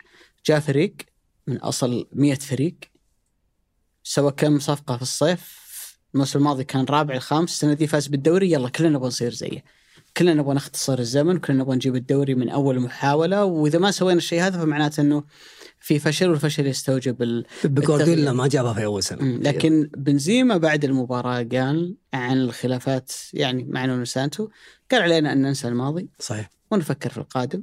ويبدو يا أبو علي أن القادم هو لوبيتيجي مدرب آخر جاي من ولفرهامبتون المدرب الأسباني اللي يعني كان له تجارب مع المنتخب الأسباني وريال مدريد و لا عدة تجارب على مستوى كرة القدم الأوروبية. الناس أبو عالية لما تبدأ تفكر في لوبتيجي يعني الناس اللي تعمل تقارير أو تتكلم عن أي أي واحد جديد يجي للدوري ترى في الغالب يتكلمون عن أسلوب اللعب عن البطولات اللي حققها عن ال- الهوية الفنية وكل التفاصيل اللي بيجب إنها تكون عن المدرب لكن أعتقد إن أنا شخصيا في نقطة تخوف في لوبتيجي إنه ولا مرة اشتغل في نادي عليه ضغط ونجح معه. يعني هو فاز مع اشبيليا okay. في ال Europa League ما عمل نجاحات كبيرة مع بورتو. فولفرهامبتون مش مطلوب منك إنك تفوز ببطولات لكن اداءه ومستوياته كانت مع مدريد جاب بطولة جيدة. مع ريال مدريد جاب بطولة كأس ال- السوبر. السوبر الأوروبي. مباراة كانت في في بداية ال- الموسم. آه، فما جرب إنه ينحط تحت ضغط إنه يدرب فريق كبير. وأتكلم عن فريق كبير. نونو سانتو اللي مشاه من الاتحاد هي خمس جولات في الدوري ما فاز فيها. ضيع فيها 12 نقطة من أصل 15 قالوا له امسك الباب. مع أندية ثانية ممكن يمر عليك خمس ست صحيح. اليوم أقرب مثال آخر أربع مباريات في الدوري تعثر فيها التعاون مم. هل تتوقع إن إدارة التعاون بتقل شاموسكا؟ لا. التعاون أربع أو خمس مباريات إذا ما كنت مخطئ الفريق ما سجل ولا هدف من لعب مفتوح كل أهدافهم من كور ثابتة في الأربع والخمس مباريات الأخيرة هل تتوقع إن إدارة التعاون بتقيل شاموسكا؟ لا خليه يسوي نفس ذا الفترة في الهلال ولا في النصر. لا. والناس تحط المجهر عليك إنك عندك مشكلة في استقبال أهداف من كور ثابتة فبالتالي أنت أوت. عندك مشكلة. لك فترة ما تسجل من لعب مفتوح ومتعثر في آخر أربع أو خمس مباريات والله ما يقعد. المشكلة هي إن الأندية الكبيرة لا يسمح لك بإنك تمر بفترة سيئة أكثر من مباراة ومباراتين. فالمدرب إي أنا أقول لك المدرب اللي ما جرب إنه يعيش هذا الضغط. وترى هذا يا أبو عالية فخ فشل فيه كثير من المدربين. وأنا قلت عن الهلال لما لما فشل. جارديم إنه كانت واحدة من مشاكله إنه ما جرب إنه ينحط كل سنة في ضغط إنه مع فريق يبغى يفوز بالدوري. فبالتالي أنت خلينا نقول كم؟ 34 جولة. تبي يقول ما أنت جيد في الرياضيات. 34 جولة في ثلاث نقاط. ما أدري كم تطلع. كم مسموح لك تضيع نقطة منها؟ يعني أنت كل سنة مسموح لك إنك تضيع إنك تجيب من 80 إلى 85% مثلا من مجمل نقاط ال- ال- الدوري اللي أنت تنافس عليها. لما تعيش تحت الضغط هذا كل سنة تبدأ تتعلم كيف تكسب المباريات حتى اللي ما أنت كويس فيها. صحيح. تبدأ تتعلم كيف تخطف مباريات. تبدأ تتعلم هل الأهم هو الهجوم ولا الدفاع؟ هل الاهم إني ما أستقبل ولا إني أكون مبادر و- وأسجل؟ يا أخي في مباراة الهلال والتعاون لما المباراة على آخرها وش سوى جيسوس؟ طب دخل. شال اللاعب محور نزل عبد الله الحمدان. أنا أبغى أكسب. الدوري يكسب بهذه الطريقة. فبالتالي نوعية المدربين اللي يعيش هذا الضغط ضغط إنه يدرب فرق كبيرة تنافس على الدوري تنافس على أكبر الأهداف كل موسم غير عن مدرب قاعد يشتغل مع أندية وسط. الناس اللي بتقيس على فترته مع ريال مدريد يا رجل ديك ما تتسمى فترة. صح. يعني هو مشى في وقت مبكر بعدين هو صراحة ظلم لوبتيكي في وصول في لحظة. الظلم إنه جاء بعد زيدان وبعد كريستيانو رونالدو فالأجواء كانت يعني مشحونة في ريال مدريد جدا. وأنا من الناس كان عندي إيمان إنه هذا حيكون مدرب رائع في المستقبل بس الفترة اللي مع ريال مدريد آه ما ساعدته. لكن أعتقد ان الضغط في الاتحاد بيكون كبير جدا عليه وأنت تتنافس مع ناديين بوضوح حاليا هم سابقينك في الدوري. وحتى لو قلنا أنت ما طالبت بشيء هالموسم للموسم الجاي سكوادهم أعلى منك. صحيح. إلا إذا أنت سويت تغييرات كبيرة فبالتالي الضغط بيكون كبير عليك وبالنسبة للاتحاديين. لو قلنا إن الموسم عدى ترى الموسم الجاي يا الدوري يا أنت فاشل. فبالتالي هل لو بتيجي هو المدرب أنا ما أتكلم عنه فنيا كخصائص فنيه أتكلم كشخصية بيقدر character ه بيقدر ان يتعايش مع ضغط من هالنوع؟ هذا تساؤل. لا يعني يا أبو علي إنه سيفشل. ليش؟ عندنا نموذج واضح. كم عدد الأندية الكبيرة اللي دربها كاسترو ونجح معها مش كثير. ومع ذلك هذا هو ناجح مع النصر.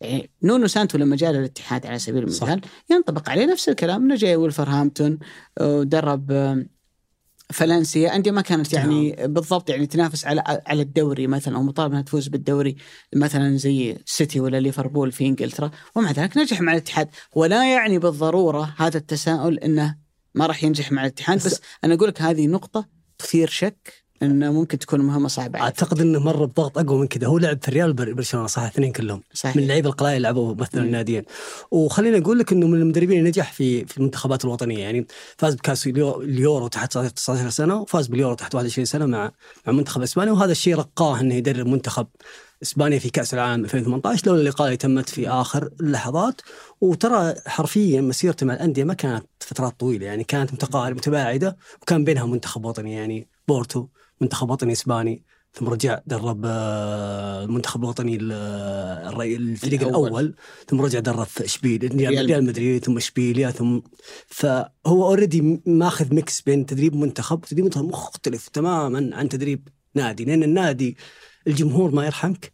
اسمائك أنت اللي تقتنيها بالاسم يعني أنت ما تحتاج إنك أو تنجبر على بعض الأسماء لا أنت بتختار اسمائك أنت محاسب عليها. بينما في المنتخب هذه اللي عندي وهذا الموجود وأنا بمشي عليه والشغل هذا ترى مو كله شغلك المنتخب شغل الأندية. الأندية هي تعطيك اللاعب الجاهز وأنت تاخذه وتسوي فيه أو أو تدير. أنا أشوف شغله المدرب. المنتخب. خلينا راح موضوع ثاني أنا. شغله المدرب المنتخب مش فنيا بشكل كبير جدا قد ما هي إدارة. إدارة المجموعة هذه كيف تديرها. كيف تخليها على قلب واحد في المنت في الأندية تدريبها. هو مختلف. هو تحدي صعب. أتفق معك إنه صعب جدا. ودائما المدرب اللي ترى أفضل شيء تجيب على المدرب سيء. ما تجيب على المدرب ناجح. كل المدربين اللي جو بعد فترة ناجحة اللي جاء بعد بيبي جوارديولا تاتا اعتقد تاتا مارتينو فشل فشل كبير جدا. اللي جاء بعد مورينيو رافا بينيتيز إنه مدرب عبقري ومن أفضل المدربين فشل فشل ذريع. اللي جاء بعد زيدان ورونالدو في ريال مدريد لوبوتيجي فشل فشل ذريع. لأن المرحلة نفسها مقياس القياس عليها دائم على الفترة اللي ما قبلها وهذا شيء خاطئ صراحة. يكون يكون ظالم جدا. لكن أعتقد إنه إذا في عدة جوانب إيجابية خرج فيها الاتحاد من مباراة أبها. يمكن على رأسها إنه أكيد إنه هاترك البنزيما لكن اللي يحس إنه كان فعليا ظهوره رائع ومبهر في المباراة هو كورنادو يعني.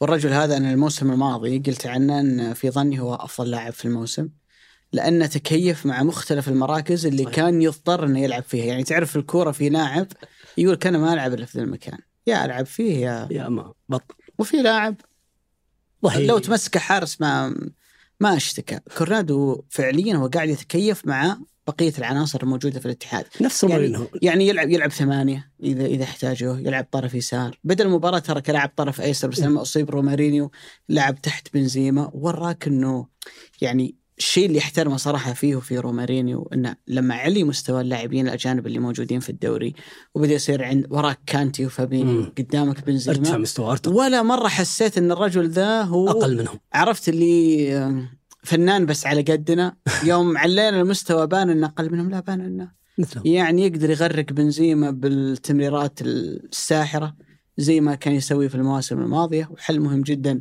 حتى على مستوى التسجيل. لاعب صراحة من أمتع اللاعبين اللي أنت تشوفهم. أنا شخصيا يمكن أكثر لاعب أحبه في الاتحاد السنوات الأخيرة هو كورنادو. ودائما يجيني شعور انه الرجل هذا هو حرفيا لما يقول لك في الكورة underrated يعني واحد كذا ما هو ماخذ حقه. ما هو ماخذ تقديره الكبير جدا. أعتقد إن كورنادو ما أعطي صراحة حقه. ما تلاحظ إنه ما يتناسب مع كرة القدم الحديثة يا أبو علي ما تلاحظ إن style ه في اللعب ما يركب مع الشيء الجديد يعني okay هو هو يترحم. مم. تحطه جناح اي رحموه جناح. يعني أمس حسن خليفة جاء حط تشكيله جاء أخذ الفريق جاء صار حرفيا دخل في ملابس لقاه طالع من حط جناح من حط جناح حرفيا من حط جناح. يعني أتذكر أنا فتره زين أتذكرها زين فترة ماتزاري في الإنتر كان يلعب خمس مدافعين. نفس نفس الحالة اللي في الاتحاد وكان يلعب ويعتمد على الاجنحه يعني كان جوناثان وكان ناغاتومو عرفت؟ كل اللعيبة أظهرة. يعني الدكة فيها أربع خمس أظهرة.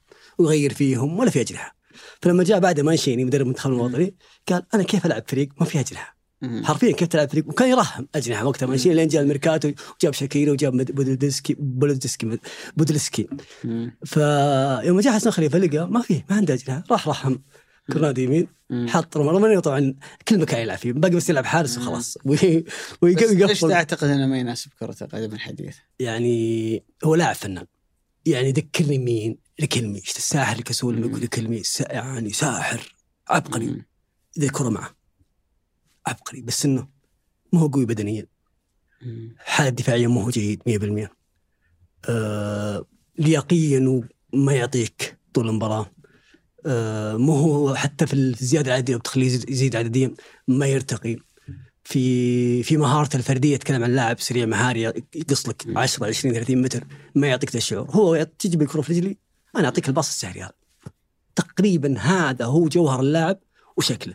عن نفسي أنا ما أفضل لاعب زي كذا. يعني أنا شوف مثلا أعطيك في الهلال سافيتش في في النصر أوتافيو كلهم تقريبا مراكز قريبة شوي من مركز مم. آه كورنادو. كورنادو. ولكن شوف أوتافيو أوتافيو قوي بدنيا قادر ياخذ 10 20 30 متر بالكورة. مهاري رجله حلوة pass اته حلوة. شوف سافيتش قوي بدنيا يقدر يعطيك بالراس تسديدات حل فردي في الكره الثابتة.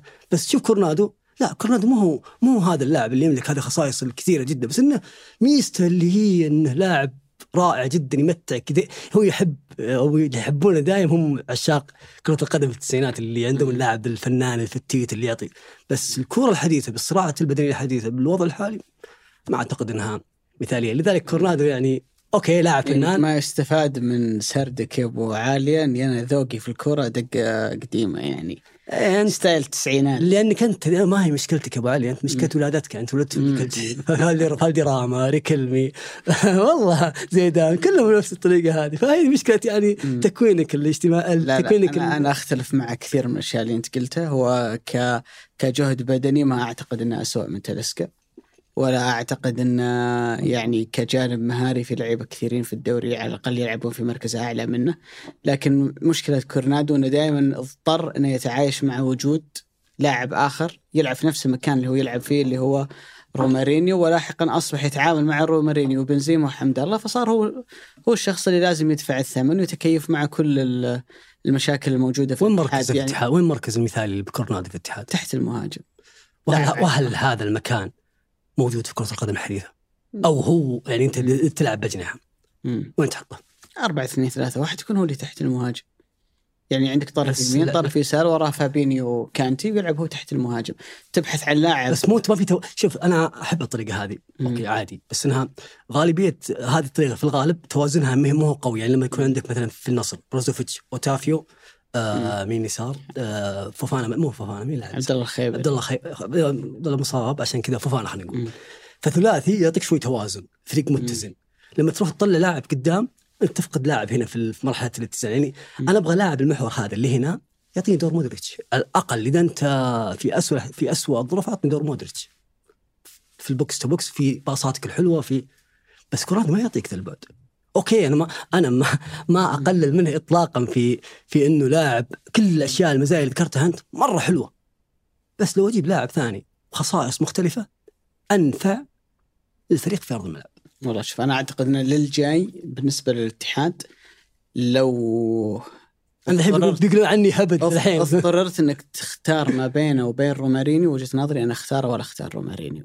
لأن مع مهاجم زي بنزيما وإذا بتجيب جناحين يركب معهم كورنادو سواء لاعب عشرة تحت المهاجم يغرق الثلاثة بالتمريرات البينية يعمل الزيادة معهم أو حتى يلعب كلاعب ثمانية لو قلنا أنه بيلعب فابينيو ستة وعلى اليمين كانتي ياخذ حريته في الزيادة للأمام ويلعب هو كلاعب ثمانية على اليسار. في الدورين يقدر يعطيك آه، أدوار أفضل من رومارينيو لأنه رومارينيو هو اللاعب اللي تحت المهاجم هو اسمه كذا اللاعب اللي تحت المهاجم. له بعشرة له بصانع لعب لكنه ممتاز كحل تهديفي. عنده حضور رائع تقريبا في في كل المباريات. مفتاح مهم لك جدا ضد أصعب الفرق. لكن مشكلته إنه مع المنظومة يمكن رومارينو نجح في السنوات الماضية لأنه الاتحاد أصلا ما كان عنده أجنحة كويسه صحيح. وما قبل حمد الله لأن الاتحاد أصلا ما كان عنده مهاجم كويس. فكان رومارينيو هو هو قيمته إنه يعوضك عن كل النواقص اللي موجودة عندك. لكن الآن لما يكون عندك بنزيما يكون عندك جناحين كويسين مثلا جوتا مع لاعب جناح ثاني يجي في الفترة الشتوية وعندك ورا اثنين لعيبة محاور ممتازين اللي يكملهم اللي يربط ما بينهم كلهم هو لاعب يقرأ الملعب بشكل جيد ويقدر يباصي يسلم ويستلم وعنده النظرة أعتقد إنه في النقطة هذه كورنادو يتفوق بشكل واضح أختلف معك تماما يا أبو علي ليش؟ مختلفين في كورنادو من أول ما إيه، بداية بدأنا. لا. على في لا لأن خلينا نرجع شوي بالزمن البنزيما كلاعب. أنت عندك بنزيما الآن. خليك من من الحاله اللي ما قبل فترة ميركاتو هذا. لما اتكلم أنا عن كورنادو واقيم كورنادو قيم بناء على ميركاتو هذا. ما قيمه ما قبل ذلك. بنزيما عندك موجود. بنزيما وش تعود يلعب؟ تعود يلعب مهاجم بس إنه أحيانا يكون قريب أو أقرب لخط المرمى من أي لاعب آخر ودائما ينزل شوي في بعض المرات القليلة. وبفتره من فترات كان يرجع كثير ويعطي حرية للأجنحة. إنهم يدخلون للعمق ويسجلون ويصيرون هدافين. هذا كاركتر بنزيما حتى في فترته مع مع ليون لعب على الجناح فترة وبعدها لعب كمهاجم. في فترة طوال فترة مع مع ريال مدريد لما حاول آه مورينيو يلعبه مع هيغوايين اثنين سوا ما ركبوا على بعض. ما قدروا يمشيهم على بعض. فكان يجلس واحد ويلعب واحد. في البدايات كان يلعب هيغوايين بحكم إنه عارف الأجواء عارف البرنابيو. عنده تجربة سنتين ثلاث سنوات experience أعلى من بنزيما وبنزيما يدخله على استحياء. بعد لما أخذ بنزيما مكانه كيف كان يلعب بالريال؟ كان يلعب مهاجم جناح جناح. ما في لاعب في المنطقة ذي يضايق بنزيما أو أو يقلل من quality بنزيما اللي هو ينزل فيه يلاعب الجناح لاعب الجناح الثاني. حتى لو بغى يروح انت شفت مباراة أمس مثلا مجرد ما في لاعب يلاعب بنزيما زي كورنادو كورنادو كان يلاعب بنزيما. مجرد في لاعب جناح قاعد يلاعب بنزيما بنزيما انفجر انفجار مرعب وقدم واحد أو سجل سجل هات وقدم واحدة من أجمل المباريات اللي لم تكن الأجمل في اتحاد هذا الموسم. لما حاول زيدان في 2017 اذا ما خانتني الذاكرة ذكرني بحكم مدريدي يلعب باثنين مهاجمين اللي هو رونالدو بنزيما فشل فشل ذريع بنزيما. كان يطلع الدقيقة 60 55 ويخلي كريستيانو رونالدو حرب الحالة. وأتوقع اتذكر كان يدخل إسكو إذا ما خانتني الذاكرة. يدخل. فكان يطل لأنه ما كان يخدمه بشكل كبير جدا بس quality بنزيما هو أنك تاخذ خيارين. أنت يجبك جناح هداف. حتى جوتا ترى ما ينفع يعني إذا عندك بنزيما جوتا ما يناسبك ما يناسب بنزيما ليش جوتا ما يناسب؟ جوتا من الاجنحه الكلاسيك اللي يروح على الطرف يلف يسار يلعب ال assist واللي يشوت في الباب. يعني نفس نفس روبن نفس نفس نفس. بس الأجنحة الحديثة في كرة القدم اللي تروح مع الطرف تلعب one two تدخل العمق هد آه، أجنحة أقرب تكون هد هد هدافين. فبنزيما يناسبه هالنوع من اللاعبين الجناح اللي ينزل اللي يلعبه اللي اعطيك أنا حريتك. بينما لو تحط معي واحد أنت كذا نكبتني وما عاد قدرت تسوي أي شيء. وهذا الشيء اللي صاير مع بنزيما في المباريات اللي راحت كلها. ما خلى بنزيما يطلع بالطريقة أنت أبو علي قاعد تصور بنزيما كان حافظ منهج واحد في الكورة ما يعرف يلعب إلا هو. يا تلعبني نفس اللي كنت ألعبه في مدريد يا ما ما راح مو كذا بس هذا ال... هذا اللي له سنوات طويلة عليه. يعني هذا بنزيما لاعب ذكي ذكي جدا يعرف يتحرك في المناطق دي ويقدر يلعب أي لاعب معاه في الأجنحة. فأنت quality هذا حق بنزيما. okay تقدر تلعب مهاجم عادي ترى ما في مشكلة. بس تبغى ال level العالي من بنزيما أفضل صفقة أو أقوى صفقة في الميركاتو السعودي. أنا عندي بنزيما أقوى صفقة في الميركاتو السعودي. فايز بكرة ذهبية واصل في عز ذروته صحيح إنك جبت أو في اوتافي ومالكم آه أسماء كثيرة جت في ذروة اوكيسي في ذروة أو في بداية عطاها في منتصف العشرينات. بس أنت جايب level عالي زي بنزيما. يا أخي خذه بكل قوته. يا أخي سخر له الفريق هذا. خليه يلعب خليه يمتعك خليه يشيل الليلة وما يا أخي شال شال الأبطال على كتفه في في الريال في سنة 2021 2022 صحيح. ف واضح ما راح نصل إلى نقطة آه، تفاهم في هالموضوع. أبو علي خلينا نروح للمباراة اللي بعدها مباراة ال- النصر والوحدة. أعتقد إنه يبدو واضحا إن وين كان الحكم مبكر يعني نتكلم عن الجولة 13 يعني على الأقل باقي عندنا 21 جولة يعني 21 جولة ترى كأنك تتكلم عن دوري كامل لسه ما بدينا فيه لكن على الأقل من اللي شفناه واضح إنه السنة هذه صراع الدوري بيكون صراع هلال النصر واضح إن الفريقين كما لو إنها عرفت اللي في الألعاب القتالية يسمونها last man standing يعني. من من اللي بيطيح أول. فريقين واضح كلهم شادين كلهم منطلقين قاعدين يمروا من فترة جدا رائعة. النصر الفترة الأخيرة باستثناء التعادل مع أبها. سلسلة نتائج إيجابية ومستويات. أعتقد إنه آه، شغل كبير جدا اللي قاعد يسويه كاسترو مع النصر في الفترة الأخيرة. يمكن في مباراة الهلال ما تكلمنا كثير عن الجانب الفني اللي سواه الهلال قد ما تكلمنا عن الجانب العقلية. وأعتقد أنه في المرحلة هذه تحديدا كل الفريقين سووا شغل فوصلوا إلى حالة فنية ممتازة. لما قلت لك أن last man standing مين اللي يقدر يستمر في الفورمة هذه لأطول فترة ممكنة ومين اللي بيطيح؟ عادة وش اللي يطيحك؟ الإصابات. ضغط المباريات فيبدون اللعيبة بدنيا حتى لو هو مش مصاب لو هو يلعب بس ما عاد يقدر يعطيك نفس ال- الأداء الأول وذهنيا ومسألة التركيز ومسألة مهمة جدا إن المنافسين يبدون يفهمونك ويقرونك فيقدمون حلول للتعامل معك. يعني من بينها شاموسكا لما استخدم الخمسة ضد النصر ونجحت. طبيعي بروح أستخدمها ضد الهلال. ولو شاموسكا استخدم أسلوب مع الهلال غير الخمسة ونجح ترى وارد جدا مدرب الفتح ولا الاتفاق ولا أي فريق في المباراة الجاية يقيس على النموذج هذا ويبدأ. فبالتالي في عدة عراقيل ممكن أنت تواجهك تخليك ما تستمر في الفورمة هذه لأطول مدى ممكن. النصر بأمانة في الفترة الأخيرة تعرض لاختبارات كبيرة جدا قدر أن يطلع منها ويحافظ على نفس الفورمة اللي هو موجود فيها.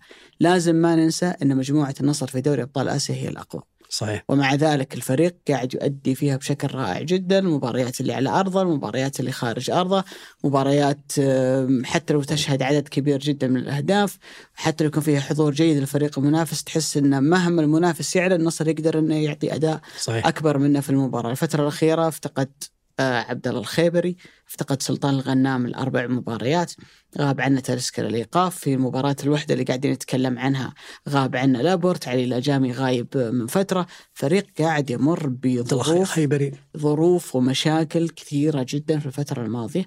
ومع ذلك تحس إن كاسترو قادر على إنه يبقي الفريق دائما في ذهنية الفوز، يروح يلعب ضد الدحيل في قطر بدون كريستيانو رونالدو، أهم لاعب عندك في المنظومة في الفترة الماضية، تشعر إن الفريق لا يتأثر، يغيب تاليسكا الجولة الماضية بسبب الايقاف تشعر إن الفريق لا يتأثر، بأمانة الرجل قادر على إنه يلاقي حلول لكل المشاكل، وبتلحظ هالموضوع من خلال التوظيف اللي هو قاعد يسويه تقريبا.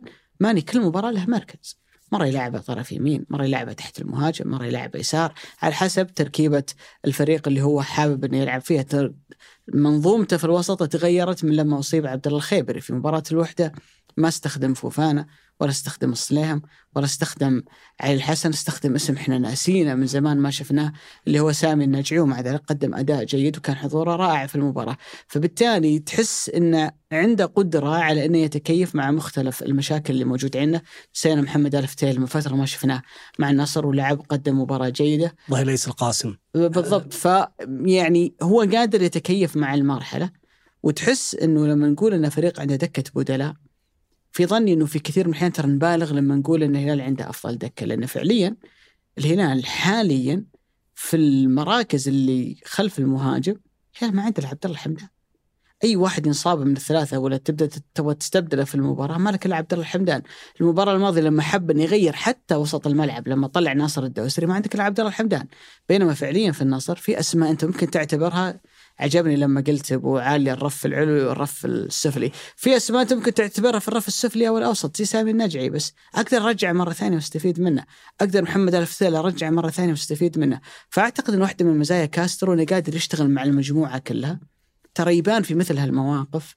أوكي في جانب رغبة من اللاعب حضور تركيز استعداد بدني ونفسي للمباراة. لكن يبين المدرب اللي قاعد يشتغل مع المجموعة. في نوعية مدربين. خلاص هذول هم الأساسيين وأتعامل معهم وفقا على هذا الأساس. والبقية يشاركون في التمارين في التقسيمات بس ما ركز عليهم بشكل صحيح. كبير. لما أنت تدخل عنصر جديد من فترة غايب ويكون حضوره جيد هذا واضح المدرب قاعد يشتغل على المجموعة آه، كاملة. فهذا شيء أنت ما تشوفه ما تحضر التمارين لكن تقدر تقراه من أداء اللاعبين آه، في المباريات. ال- الجيد في النصر إنه بأمانة من زمان زمان. أنا ما شفت حالة هدوء وسلام و- والفريق منطلق. ومركز وروقان في النصر قل- زي اللي قاعدين نشوفها في الفترة الحالية. قطعا إنه النتائج الإيجابية لها دور صحيح. وإن سلسلة الانتصارات اللي قاعدة تصير بتخليك تشتغل وأنت هادي وأروق والضغط عليك أخف، لكن الجو المناخ العام في النصر الفترة الحالية أعتقد إنه في حالة رضا كبيرة جدا على هذا الفريق ولو هذا الفريق ما توج بالدوري نهاية الموسم أنا بقول لك من الآن من الجولة 13 هذا أفضل نصر ما فاز بالدوري يمكن أنا شفته في حياتي. لو أنهى الموسم خلف الهلال كمركز ثاني أنا ما شفت النصر في سنة كويس وكان قادر إنه يكسب الدوري وما فاز فيه لو صار معها السيناريو هذا الموسم لأنه فريق رائع جدا، كل فريق فيه مشاكل أبو علي، صحيح. أنا أعرف إنه الآن بالوضعية الحالية نحاول نقيم الفريقين الهلال والنصر بنتكلم عن مشاكل دفاعية في النصر أكثر من الهلال. وبنقول إن الوحدة رجع عليك وسجل وكان منه ممكن إنه أنت آه، يعني تتعرض الحرج في المباراة. صارت في دوري أبطال آسيا صارت في أكثر من مكان. ما في فريق بدون عيوب لكن الفريق على الأقل في الشكل الثاني اللي هو الشكل الهجومي رائع جدا عنده حلول متعددة. فكرة انك كل مباراة تسجل ثلاثة أربع أهداف ويلغي لك جولين ثلاثة معناته إنك أنت قادر إنك توصل بأكثر من طريقة وأكثر من حل. فأعتقد إنه آه شغل كبير جدا اللي قاعد يسويه. يعني خليني أقول لك أبو علي آه، أربع أشياء إن شاء الله ما أنساها. أربع أشياء يعني اعطت النصر خلينا نقول هذا التوهج القوي. وجود قائد. وهذه تراها لا تشترى. يعني إن عندك قائد ترى صعب جدا انك ترى مهم جدا إنك تأسس لعيبتك اللي الصغار المواهب ذولي على أنهم يكونوا قادات المستقبل، ترى الهلال فائدة كثير سلمان الفرج وسلمان الدوسي مساله انه يكون عنده قائد في الفريق سنوات طويلة وفي أندية كثير الآن من أندية القمة في دورينا ما عندها قائد. الشيء الثاني المرونة التكتيكية اللي يملكها مش المدرب اللاعبين. يعني أي مركز اوتافي تحطه وسط أيمن وسط أيسر متأخر حتى قادر يلعب بروزوفيتش تحطه متأخر تحطه وسط يسار وسط نفس الكلام على ماني قلت نفس الكلام. حتى عبد الله خيبري لعب كمحور متأخر لعب كظهير أيمن. ففي مرونة تكتيكية وقادرين يتكيفون اللاعبين على أي طريقة لعب ممكنة. الشيء الثالث هنا الفريق يسجل بكل الطرق. هذا ترى أصعب فريق ممكن تنافس على دوري. إذا صار الفريق هذا قادر يسجل من حل فردي من كرة ثابتة من تسديد من ركنية من مهارة من عرضية. من عرضيه ايا من دفلكش ايا يكن الهدف من بلنتي ايا يكن الهدف.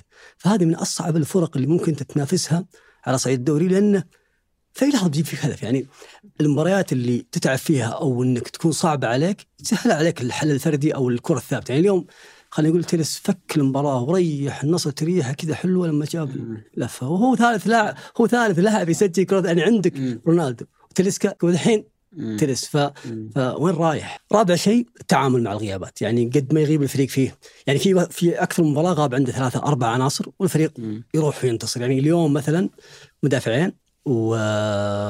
ولاعب وسط خلينا ثلاث لعيبة غايبين عندك وانت تفوز، وما هي المرة الأولى يعني النصر تقريبا في الجولات اللي هي السته والسبع أو المباريات الست والسبع الأخيرة كان عنده سلسلة غيابات كبيرة ومو هو لاعب ولا لاعبين، نتكلم عن ثلاثة وما فوق أربع لعيبة، وهذه صراحة شيء يحسب كثير لكاسترو، يحسب إدارة المنظومة، وترى ترى النصر يعني ما جاك أو ما جاء في حالة خلينا نقول بدنية جيدة بقد ما تعرض لضغط مباريات، لعب تقريبا نص ساعة إضافية في النهائي العربية، لعب نص ساعة إضافية ضد الاتفاق، لعب مباراة إضافية في دوري أبطال آسيا، فهذا الضغط أو أو كمية المباريات والحمل البدني اللي على اللاعبين المفروض انه ينعكس على هبوط مستواهم، شوي تصير في فتور في العضلات، اللاعب يتعب يبغى يهدي، ودك تسوي عملية المداورة هذه، والمداورة هذه جالسة تصير والغيابات جالسة والإصابات جالسة تصير، الإيقافات جالسة تصير، والفريق جالس يمشي في هذا النسق ال- المرعب خليني أقول لك. يعني يعني فريق جالس يسجل ثلاثة أربع أهداف في كل مباراة. ترى أوكي الفريق استقبل ترى لو تلاحظ المباريات الثلاثة الأخيرة ما في ذيك المساحة أو الفراغ أو الهجمات اللي اللي كنا نتكلم عنها بداية الحلقات لما نقول في كرة. طولية من 30 ما عاد تصير هذا الشيء أو قل بنسبة كبيرة مع تغير العناصر حتى. يعني اليوم آه، الوحدة تقريبا ما عنده أي انفراد بهذه الطريقة وفي مباريات كثير بداية الموسم كنا نشوف ثلاث أربع خمس انفرادات توصل. فهو عمل كبير من كاسترو إدارة إدارة للمنظومة وجود قائد مثل رونالدو قادر يحفظ هذا الفريق يحافظ عليه في أرض الملعب لما يكون الضغط كبير يحاول يضغط على الحكم يحاول يضغط على على لعيبة المنافس يحاول يوترهم. شيء طبيعي وارد وحتى لما تكون نتيجة تعادل هو في غرفة الملابس لما يتكلم مع اللاعبين لاعب بهذه القيمة والمكانة والتاريخ قادر إنه يعطيك بعد ثاني. فهو تقريبا آه، خلينا نقول رجل المهمة الصعبة أو رجل المهمات الصعبة في كرة القدم الآن مع النصر يحاول أن يأخذ في هذا السباق الصعب. على لقب الدوري. يشبه شوي أبو علي هذا السباق؟ توم جيري. ريال مدريد وبرشلونة. إيه. يعني فعلا يعني ريال مدريد وبرشلونة في ذروة تنافس آه، رونالدو وميسي كان أحيانا تجيب فوق 90 نقطة يعني تتكلم عن 38 جولة.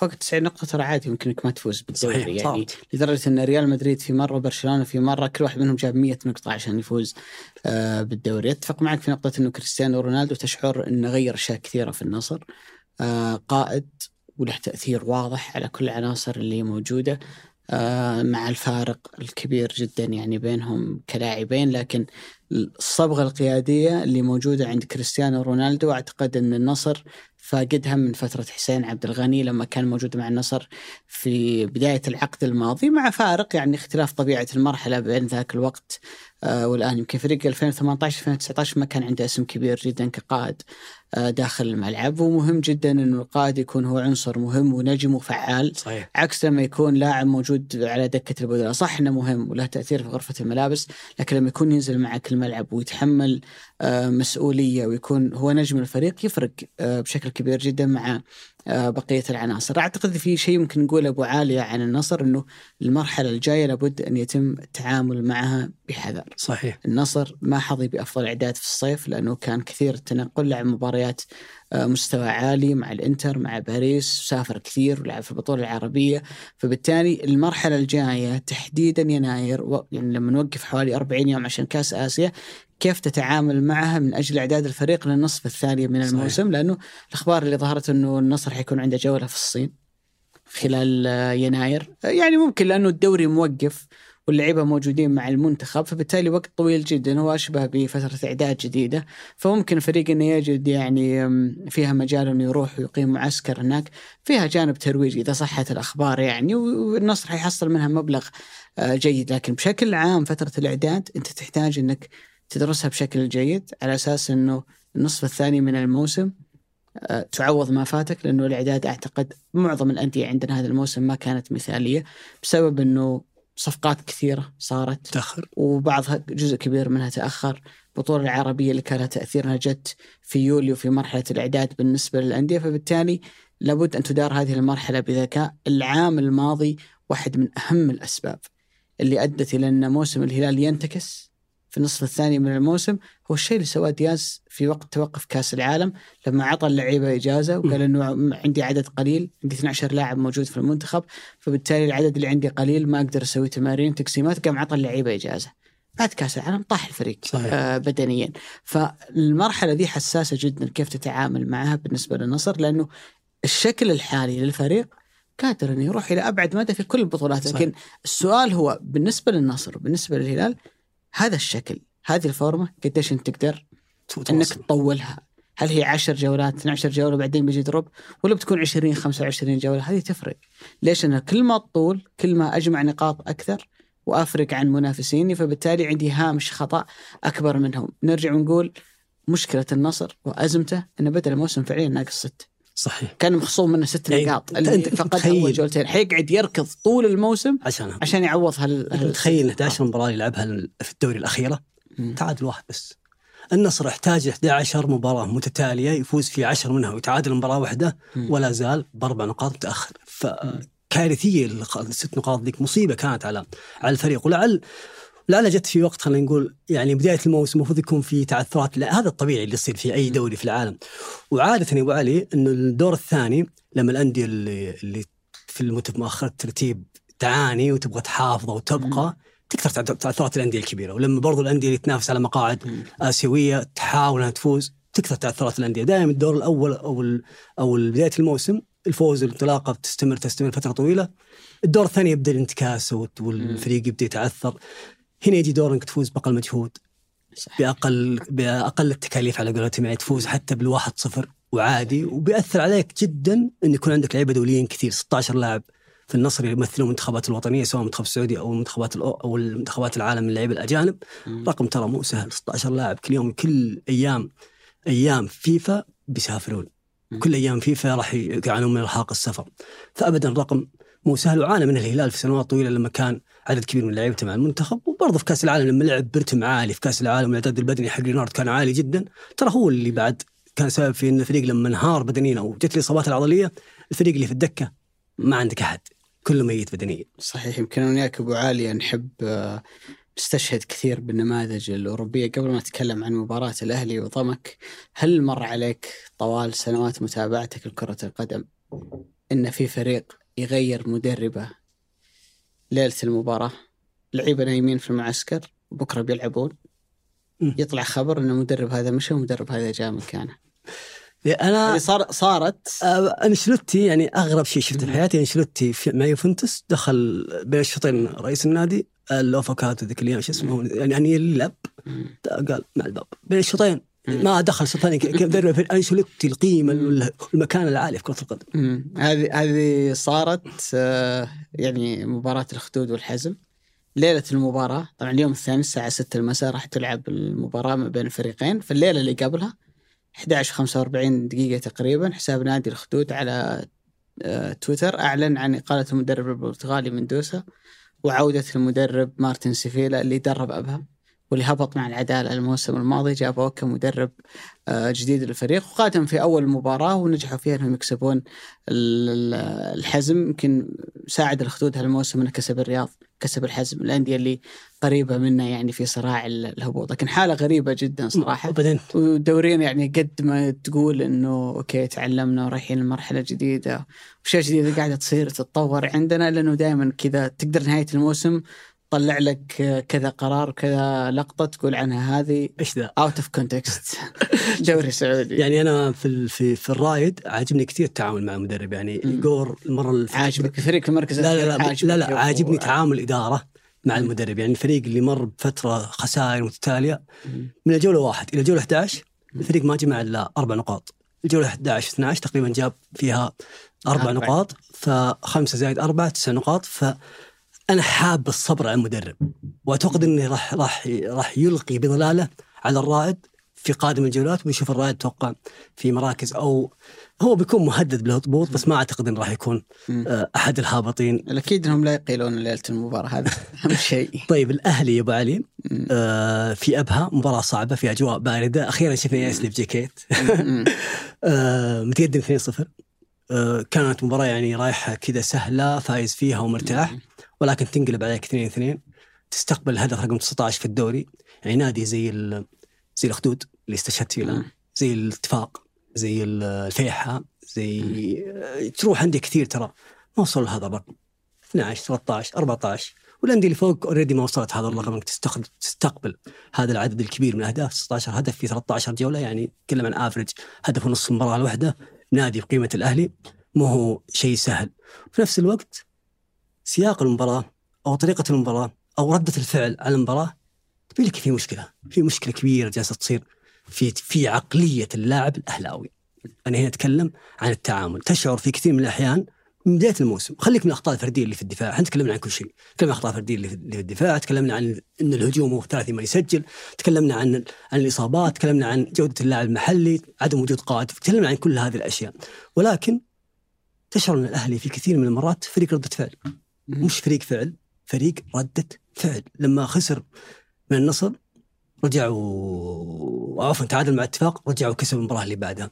لما خسر من من أبها رجع فاز على الرياض ثلاثة.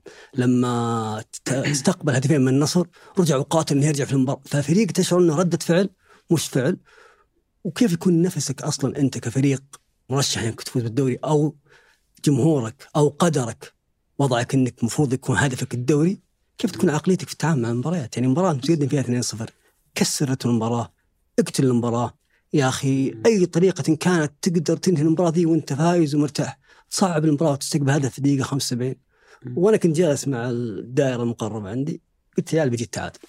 كذا شعرت إنه بيجي التعادل. يعني حسيت إنه مو شيء غريب على الأهلي إنه بيجي التعادل. يعني خصوصا ذا الموسم يعني العقلية الانتصارية هذه لا زال الفريق يفتقدها مع الجانب الكبير اللي غيره. يسلي في الفريق لما حط فيقة صانع لعب جانا بعد أو شكل ثاني لفيقة على مستوى الأداء على مستوى التأثير. برضو لما أو برضو مشكل ال- المشكلة الأعظم بالنسبة لي اللي هي الإصابات العضلية اللي يعاني منها ماكسيمان. يعني ماكسيمان الآن هذه المباراة الثامنة على التوالي أربع من اللي قبلها طلع الاصابه. طلع مع الوحدة الاصابه طلع مع الهلال الاصابه طلع مع آه، ضمك الاصابه وفي بعد برضه مباراة ثانية طلع الإصابة. يعني الرجل في ثمان مباريات أربع مباريات ينصاب ويطلع. هل اللاعب جالس يعني يضغط على نفسه ويلعب هو مص... إيه هل هو يضغط على نفسه ياخذ أبره ويضغط على نفسه ولا إن اللاعب فعلا. آه، عنده مشكلة اصابه مزمنة عضلية. يعني مو منطقي قاعد تصير. أنت لو ريحته ثلاث أسابيع هو إصابة عضلية. كان أنت خمس مباريات التاليه استفدت من استفادة كاملة 100% صحيح يعني حتى بتلاحظ إنه كثرة الإصابات في الأهلي يمكن صارت مع كيسي محمد المجحد كذا مرة كذا مباراة يستبدل بداعي الإصابة داخل ال- المباراة. بس تحس أبو عالية أنه الشيء هذا اللي صار في الشوط الثاني إن أنت شفته كثير هالموسم. أه وأنا ما بحاول أربط أقول أن الأهلي يتقدم في النتيجة وبعدين الفريق الثاني يرجع عليه. لا إنه لسبب ما المنافس يحطك تحت الضغط في شوط الأهلي ما يعرف يتصرف. في مباراة النصر النصر عادته في المباريات اللي سبقت مباراة الأهلي إنه يعلي الرتم عليك إلى أعلى درجة يعني كان واحد دايس بنزين حاط رجله لآخر شيء في أول نص ساعة فلما عل النصر عليك الرتم في أول نص ساعة أنت ما قدرت تتعامل مع الموضوع وفلتت المباراة من يدك. ضد الهلال لما الهلال دخل عليك بضغط عالي في بداية المباراة الأمور فلتت من يدك. لما تقدمت التعاون على التعاون وكان طبيعي ومنطقي إن التعاون يضغط عشان يرجع عليك قدر يرجع عليك. ضمك سوى معك نفس الشيء، أبها سوى معك نفس الشيء، المرة الوحيدة اللي شفت الأهلي ينحط في موقف زي هذا اتحاد. وينجو كان أمام الاتحاد اللي أصلا ذيك المباراة هي جاية في النص بين سلسلة مباريات هي سيئة للاتحاد في تألق وحتى فيها لو. قلنا بغض النظر لو قلنا الاتحاد كويس فكونك تألقت في مباراة ومندي كان بطل الليلة فأنت في مرة من خمسة أو ست مرات أنت لما تنحط تحت الضغط الفريق يعاني من من مشاكل. بعد المباراة أنا لفتني تصريح رياض محرز طبعا في ال flash interview أنا كنت في الاستوديو التحليلي. فالمراسل اللي كان تبع إس إس سي اللي المفروض يعمل لقاءات مع اللعيبة ما سوى اللقاء لعيبه الاهلي رفضوا التصريح ما في واحد منهم كان يبغى يصرح. صار الموضوع في مباراة أنا كنت موجود فيها بس طلعوا اللعيبة صرحوا بس ما كانوا اللعيبة النجوم الس- ال super star في الأهلي. لما خسر الأهلي 5-1 في مباراة ال- فتح الفتح واتذكر يومها حتى في الاستديو التحليلي تكلمنا عن ذا النقطة أنه لما أنت تخسر المفروض اللعيبة الكبار يطلعون ويتحملون المسؤولية وهم اللي يواجهون الجمهور يواجهون الإعلام بعد التعثرات اللي من هالنوع لكن بعدين برا واللعيبة طالعين والله أنا ما أبغى أقول تسمية خاطئة mixed zone أو ما أدري إيش يسمونه. اللي, اللي برا كان في تصريح مهم جدا رياض محرز تكلم وقال إنه يعني بنبرة ملئها الاحباط إنه إحنا كنا كويسين بس ما عرفنا نكسب المباراة. وزي اللي يقول إنه الموضوع هذا صار معنا أكثر من مرة وإحنا ما إحنا قاعدين آه نلقى حل. وكمان يقول الحل مو بيدي أنا الحل بيد مدرب. المدرب اللي اللي جالس على على الدكة. لكن فكرة شوف أنا ما أبغى أتبنى ما أبغى أقول رايي وأصير كل حلقة دافع عنه، فكرة إنه الأهلي أفضل معيس لو بالعناصر ذي هو اللي يقدر يطلع منهم، لكن ليس بالضرورة إن الحل ترى في يد المدرب. يا أخي ضمك اللي تابع كل مبارياتهم الأخيرة. الجناح اللي عندهم نكودو واحد من أخطر المفاتيح اللي موجودة عندهم. صحيح. يعني آه، كحل هجومي آه، بالنسبة لهم. بدأ المباراة بواحد من الاظهر المميزين الجيدين ظاهر العنزي هذا الموسم. في الشوط الثاني غير ونزل عبد الرحمن العبيد. الهدف الأول اللي سجله ضمك عليك اللي هي رأسية فاروق شافعي جايب عرضية من يسار من آه من عبد الرحمن العبيد. من المفروض يدافع في الجهة هذه؟ رياض محرز. رياض محرز ما راح يدافع. فأنت تجي تقول العلة في المدرب أو المشكلة في المدرب. المدرب في في مهام يطلبها من اللاعب. طيب اللاعب ما يسويها؟ طيب هل المدرب يتحمل إن مهاجم الفريق ما يسجل؟ هل المدرب يتحمل إن الفريق لما ينحط تحت الضغط اجنحته ما يدافعون؟ بيقول لك واحد طيب يا أخي ليش ما يغيره؟ ترى مسألة إن واحد زي يسلا في الثلاثينات من عمره أعلى تجربة بالنسبة لنا درب سالزبورغ النمساوي. يطلع واحد في الدقيقة 50 ولا 60 زي رياض محرز وجلسه برا عشان ينزل واحد يدافع. هذه ترى جريئة. جريئة ويصير فيها كلام في غرفة الملابس ويصير فيها نقاش ما بين المدرب وبين اللاعب. يعني ما هو بي مدرب يقدر يسويه. وأنت ما تقدر تسويها إلا لما يكون هناك ثقة مطلقة فيك أنت كمدرب وعندك سجل من النجاحات. اللي يحميك ترى غالبا بعض المدربين لما ياخذ قرار زي هذا ترى تكون هذه لحظة ال- ال- فراق ال- لا ما بقول الفراق إنه بيجي أحد ويمشيك بس هذه لحظة اصطدام مع نجم ممكن تكبر تصير في غرفة الملابس فيصير نفس اللي قلنا عنه بين نونو سانتو وكريم بنزيما فتكبر الفجوة فيصير إذا أنت تجرأ عليك آه، لاعب يبدأ يتجرأ الثاني والثالث ثم تفرط السبعة ثم تفسد الأمور. أنا ما أقول إن الصح إنك تخلي اللاعب حتى لو كان سيء، ولا أقول الصح إنك تعامل تخلي اللاعب بس ترى الموضوع صعب جدا. بس تعامل مع حيطلع بعد المباراة تسمع كلام رياض محرز ستشعر أن محرز بريء ويسلا هو المذنب. ترى قد لا يكون بالضرورة هو المذنب. لأنه في بعض المهام أنت تطلبها من اللاعبين اللاعبين ما راح وأنا أقول لك من قلنا الكلام ذا في مباراة الهلال إنه يرجع أجيب له لقطتين ثلاث موجود في الثلث الدفاعي ولا موجود في ال 18 ولا قريب من المدافع لا يعني إنه ترى يقدم مباراة ملتزمة في صح. في الجانب الدفاعي. أنت عندك مشكلة انك كل مرة تنحط تحت الضغط فريقك ينكشف دفاعك ما هو بأفضل دفاع وحارسك ما هو بأفضل حارس اخطاء فبت... فردية. واخطاء فردية. يعني قبل المباراة في الاستديو التحليلي كذا تحاول تاخذ حالات فنية تتكلم وش بيصير في المباراة تتنبأ وش بيصير في المباراة. طب وتنقم الأخطاء الدفاعية للأهلي. الأخطاء السهلة يعني متأكد إن مشجع الأهلاوي الآن وأنا أسرد له بيتذكر. غلطة آه ثلاث بلنتيات على الفتح. لا لا غلطة مندي. لا خلك من مباراة الفتح اللي صار فيها، غلطة مندي في أول مباراة ضد الحزم، الكرة اللي أهداها لهم، غلطة علي ماجر الشيء في هدف موسى بارو الثاني ضد التعاون، غلطة بسام الحريجي في هدف تاليسكا اللي كان في مباراة النصر، غلطة إيبانيز في مباراة الهلال. طب وتنك الفريق كله قاعد يرتكب كوارث. في بلنتيات في, في الفترة. الأخيرة وناهيك عن البلنتيات وناهيك يعني كل عناصر خط هندي رجعها الأب في مباراة أبها في مباراة أبها. ولا شفت لو هدفي. لو نبدأ نستذكر ترى ممكن نسرد لستة أبو علي فيها على الأقل 10 أهداف. وأنت تتكلم هذا كله صار في 13 جولة زائد مباراتين كأس ملك يعني.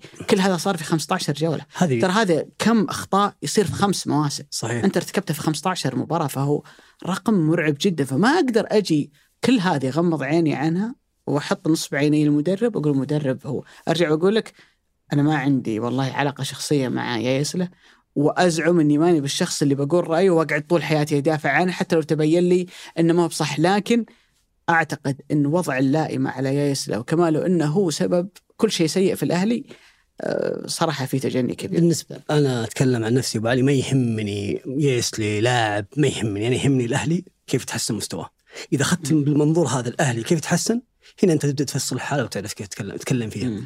واضح المشكلة واضحة وجلية يعني الأخطاء الفردية مم. لما يقول لك رياض محرز أو الهدف اللي ما رجع في رياض محرز أوكي أنا ما ما أخالفك بس إنه أنت كمدرب تعامل مع رياض محرز كنجم أوكي لا تدافع عن رياض محرز مثل ما كان رونالدو ما يدافع. مثل ما كان نيمار ما يدافع مثل ما كان متروفيتش ما يدافع مثل ما كان تاليسكا في سنوات ما يدافع فأنت تعامل مع اللعيبه الموجوده عندك وفق وفق تاريخهم عشان ما يكون بينك وبينهم صدام يؤدي إلى. فراق. طيب ما ودي أروح كثير في الأهلي. لأن عندنا ترى الأسبوع القادم أو الحلقة القادمة حلقة كذا عن الأهلي. تفصص فيها وضع لأني صراحة يعني الوضع صاير فيه اللي صاير فيه الأهلي. في هذا الموسم بعد الرجعة ما كنت من الظهور بالطريقة هذه خصوصا إنها بطو- بطولة واحدة فقد. كأس ال- ال- الملك دوري باقي له 21 مباراة. فقط لا غير فتركيز على 21 مباراة ذي بناخذها شوي صحيح هو. هو ملف كبير أصلا موضوع الموضوع الأهلي يعني تخليك حتى من منافسة هذا الموسم للقادم مستقبل. للمرحلة الجاية وش الأهداف اللي الفريق يعني منطقي إنه ينافس عليها في الفترة الحالية مستقبل الفريق كيف الفريق قاعد يتشكل بعد العودة مجددا كيف راح تتعاطى مع الميركاتو بعد الميركاتو الضخم هذا؟ آه، موضوع يستحق صراحة أن نفرد له مساحة أكبر من الحديث. عندنا أسبوع فيفا الدوري واقف فيه وبإذن الله تعالى بيكون معنا يعني اسم أهلاوي الأهلاويين يعني أزعم أنهم آه، يحبونه؟ يحبون ويحبون يسمعون منا. فاحنا نتناقش حوالين هالموضوع. من هو بالي؟ قل يا أخوي. نعطي نعطيه مساحة قل. طيب من هو؟ وش فيك مخبيه؟ احس كذا احس سر الأسبوع الجاي بتشوفون. يعطيك العافية أبو علي. سهرناك اليوم. الله يعافيك. توصل البيت اهم شيء سالم. يا أخي عندي سؤال. كذا ودي اسالك اياه من زمان. أسألك الحين ولا؟ أسأل. لماذا أبو علي من يوم أنا طبعا السؤال هذا ترى ما قد قلته لك ولا في جلسة معك. وما أدري كيف طرف واضح إنه مهم طالما خليته الآخر لا طرف بالي كذا فجأة طرف بالي دحين. مم.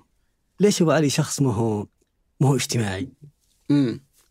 يعني أنا أتذكر من 2014 ذيك الفترة تعرفت عليك احاول أطلع معك. كذا بيتوتي بيت ولا. يعني يمكن نمط شخصية يعني. آه في واحد أحبه مرة يا أبو عالية أحبه جدا اللي هو الموسيقار الكبير رياض السنباطي فكان على زمانهم الفنانين يعني الملحنين والجماعة هذول عندهم حياة اجتماعية ويحتكون بالصحفيين والفنانين. هو كان عنده غرفة في البيت يقول هذه صومعتي أنا أقعد فيها وصك على نفسي الباب.